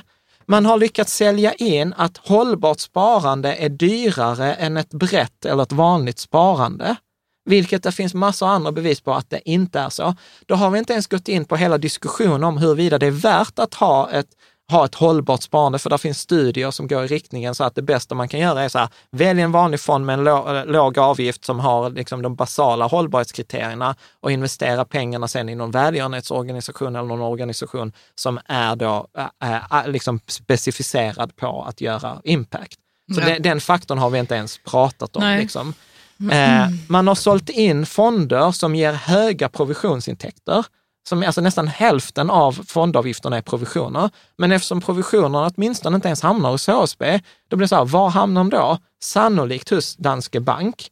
Man har lyckats sälja in fonder som dessutom då är placerade i Luxemburg som är bra för Danske Bank, men det har inget värde för mig som svensk kund att investera i en Luxemburgbaserad fond, eh, vilken dessutom sannolikt har en sämre skattekonstruktion än motsvarande svensk eh, fond.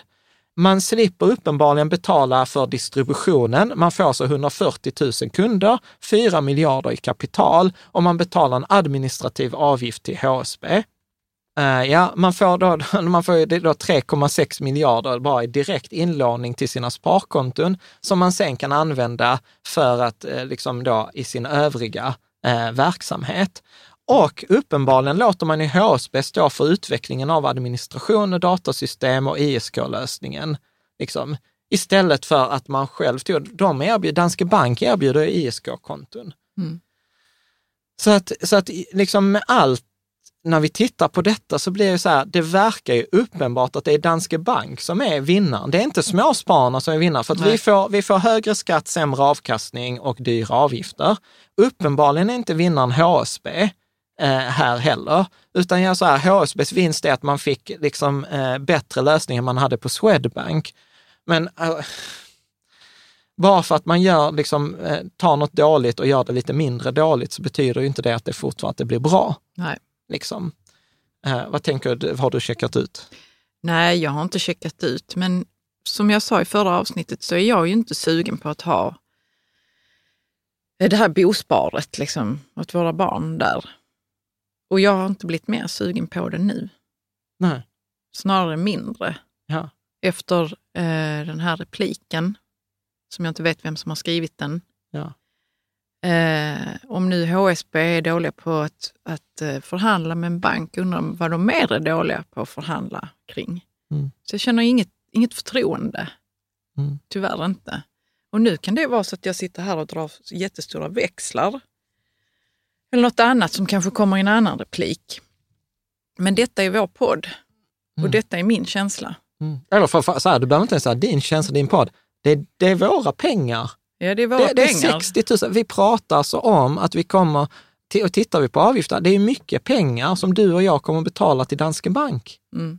Så helt ärligt, jag, jag fattar din känsla. Jag är inte ens förbannad på, Dan, på HSB. Jag, jag är mest så Jag känner, mig, jag känner mig faktiskt uh, arg på HSB, för Nej, det känns jag som att de inte har brytt sig så mycket Nej, om jag- sina kunder. jag, De bosparkunderna. ja, nej, jag, jag, jag är nog mest förbannad på Danske Bank.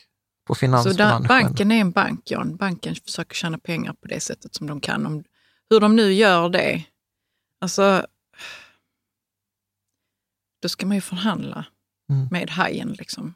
Mm. Man kan inte simma med en haj och, och inte tro att man inte kommer bli uppäten. Jag tänker att det är väl fantastiska avslutsord. Man kan inte simma med hajen och inte räkna med att man blir uppäten. alltså så här, ja, vi får se vart detta tar uh, vägen. Jag tar faktiskt, alltså så här, jag vill ju egentligen att det ska bli så bra som, uh, som möjligt. Så jag vet inte om vi, om vi ska bjuda in Sofie eller så här, komma och prata. Ja, ja, absolut, det kan vi göra. Ja, mm. och liksom förklara. Men jag har ju svårt att se hur Sofie ska argumentera för ett betavärde på en fond. Med att det intressanta här är ju egentligen kanske Danske Bank.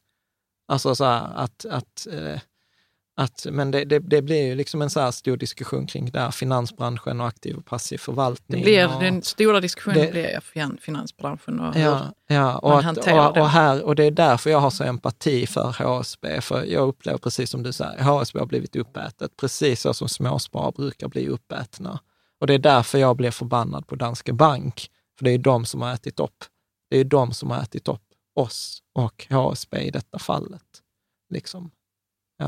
Det, det, och det är därför jag menar, egentligen är ju detta bara mest sorgligt. Mm. Ja, men liksom. jag, jag, jag, sitter inte heller och är förbannad just nu. Jag tycker också det. Jag har en sån sorglig känsla i magen. Ja. Um, mm. Det är väl liksom mest det. Ja, du, tack för att du har lyssnat på detta nästan två timmars avsnittet. Eh, det var roligt, eh, liksom, jag kan ju ändå tycka att det är ganska kul att liksom få för att visa så här konkret exempel hur det brukar gå till med fonderna, för annars hade vi aldrig analyserat Dansk Invest Stockpicking, Nej. Eh, liksom fonden. Men här blir det, det blir så konkret och detta är, liksom, detta, är, detta är en story som är så gammal som gatan. Alltså det finns en bok som heter Where are the customers yachts? Eh, mm, var, är, var, är kundernas jakter? Ja. Det vill säga deras stora skepp. För att Jävla det, fina segelbåtar. Ja, för det är inte kunderna som får de fina segelbåtarna. Det är inte segelbåtar. Nej, men det är, Nej, men det är någon slags... Uh, jakter, det heter jakt på Ja, jag vet, men det, jag visste inte vad jakt var förrän ja. jag var 25. Ja, precis. Eh, så att detta är inget som är unikt för Danske Bank eh, eller unikt för finansbranschen i Sverige. Detta är ju liksom, ja. Det är därför jag sa det. Om man simmar med en haj ja. så får man ju räkna med att man blir uppäten eller att man har en harpun redo. Alltså man, kan inte, man, kan, man måste förhandla. Ja. Och sen, eh, och sen ironin är ju den att hemma hos oss är det jag som eh, försvarar detta och säger ja, att vi ska fortsätta. Det är du som försvarar det, jag är så jag har gått vidare. Alltså HSB är en förlorare som jag inte vill sätta mina pengar hos. Ja, jag skiter i de bosparpoängen. Jag kommer ha pengar ändå till mina barn därför att jag sätter dem hos en fondrobot. Ja. Medans, medans jag och de, här, mina barn kommer säkert inte ens vilja ha hjälp nej, när den du, väl det, är där. Du, det var, och det är fine. Det är ja. fine, men jag kommer inte behöva bosparpoängen oavsett ja. vilken stadsdel mina barn kommer välja att bo. Ja, fast nu är du upprörd. ja, men, men, men, men, så jag, är det ju. Ja, vi kommer inte behöva dem det, om vi ja, sköter men, våra pengar rätt. Ja, men det roliga är där också, Karin, att egentligen så borde man ju också ta hänsyn till den faktorn att att, att om barnen kommer använda pengarna eller inte. Det var ju någon läsare som skrev så här, ja, jag bosparade och sen flyttade mina barn till Australien. Mm. Så att egentligen borde man ju ta hänsyn till det också. Att hur stor är sannolikheten för att jag kommer behöva använda ja, ja, absolut. Det hade men, varit spännande att se. Men det du, kanske behövs jättemycket för vissa och kanske inte för andra så mycket. Det, det ja. kan vi aldrig veta. Ja. Mm. Precis. Ja, men bra. Jag tycker vi rundar av ja, där. Vi rundar av. Eh, liksom ett, stort, ett stort tack för att du lyssnat. Ett stort, tack. Ja, ett stort tack till dig som stödjer oss eh, och är med i vår Rika Tillsammans-community, där vi har haft väldigt roligt i sommar. Vi har mm. haft eh, flera fika tillsammans om börsnoteringar. Vi kommer ha en fika tillsammans om driva företag och liksom investera via företag, tjäna pengar, som det var ett stort önskemål. Och vi kommer att prata om krediter, eh, ja. investera i krediter kommer vi göra i augusti också. Så att det händer sjukt mycket roligt. Vi har till och med Hur kommer man in på e-communityt? Patreon.com snedstreck rika tillsammans. Ja. Patreon.com snedstreck rika tillsammans.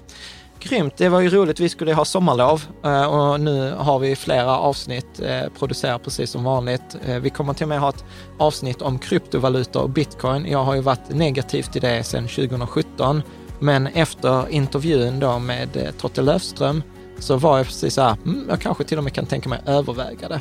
Ja. Vilket är en merit. Så att det kommer nog nästa vecka. Vi ses då!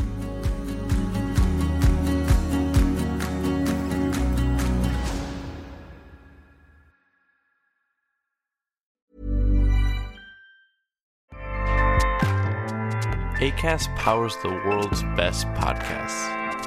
Here's a show that we recommend. The Real Housewives is a guilty pleasure for most, but if you're looking to not feel guilty about that pleasure, tune in to Everything Iconic with me, Danny Pellegrino, where I break down all the messy moments and behind the scenes antics of Bravo's popular franchise. And on Everything Iconic, I also interview celebrity guests like Kelly Ripa, Kiki Palmer, Drew Barrymore, Cameron Diaz, and more about their guilty pleasures, their past work, and so much more. So if you're pop culture obsessed and find yourself watching way too much reality TV like me, tune in to Everything Iconic with Danny Pellegrino wherever you listen to podcasts. ACAST helps creators launch, grow, and monetize their podcasts everywhere. ACAST.com.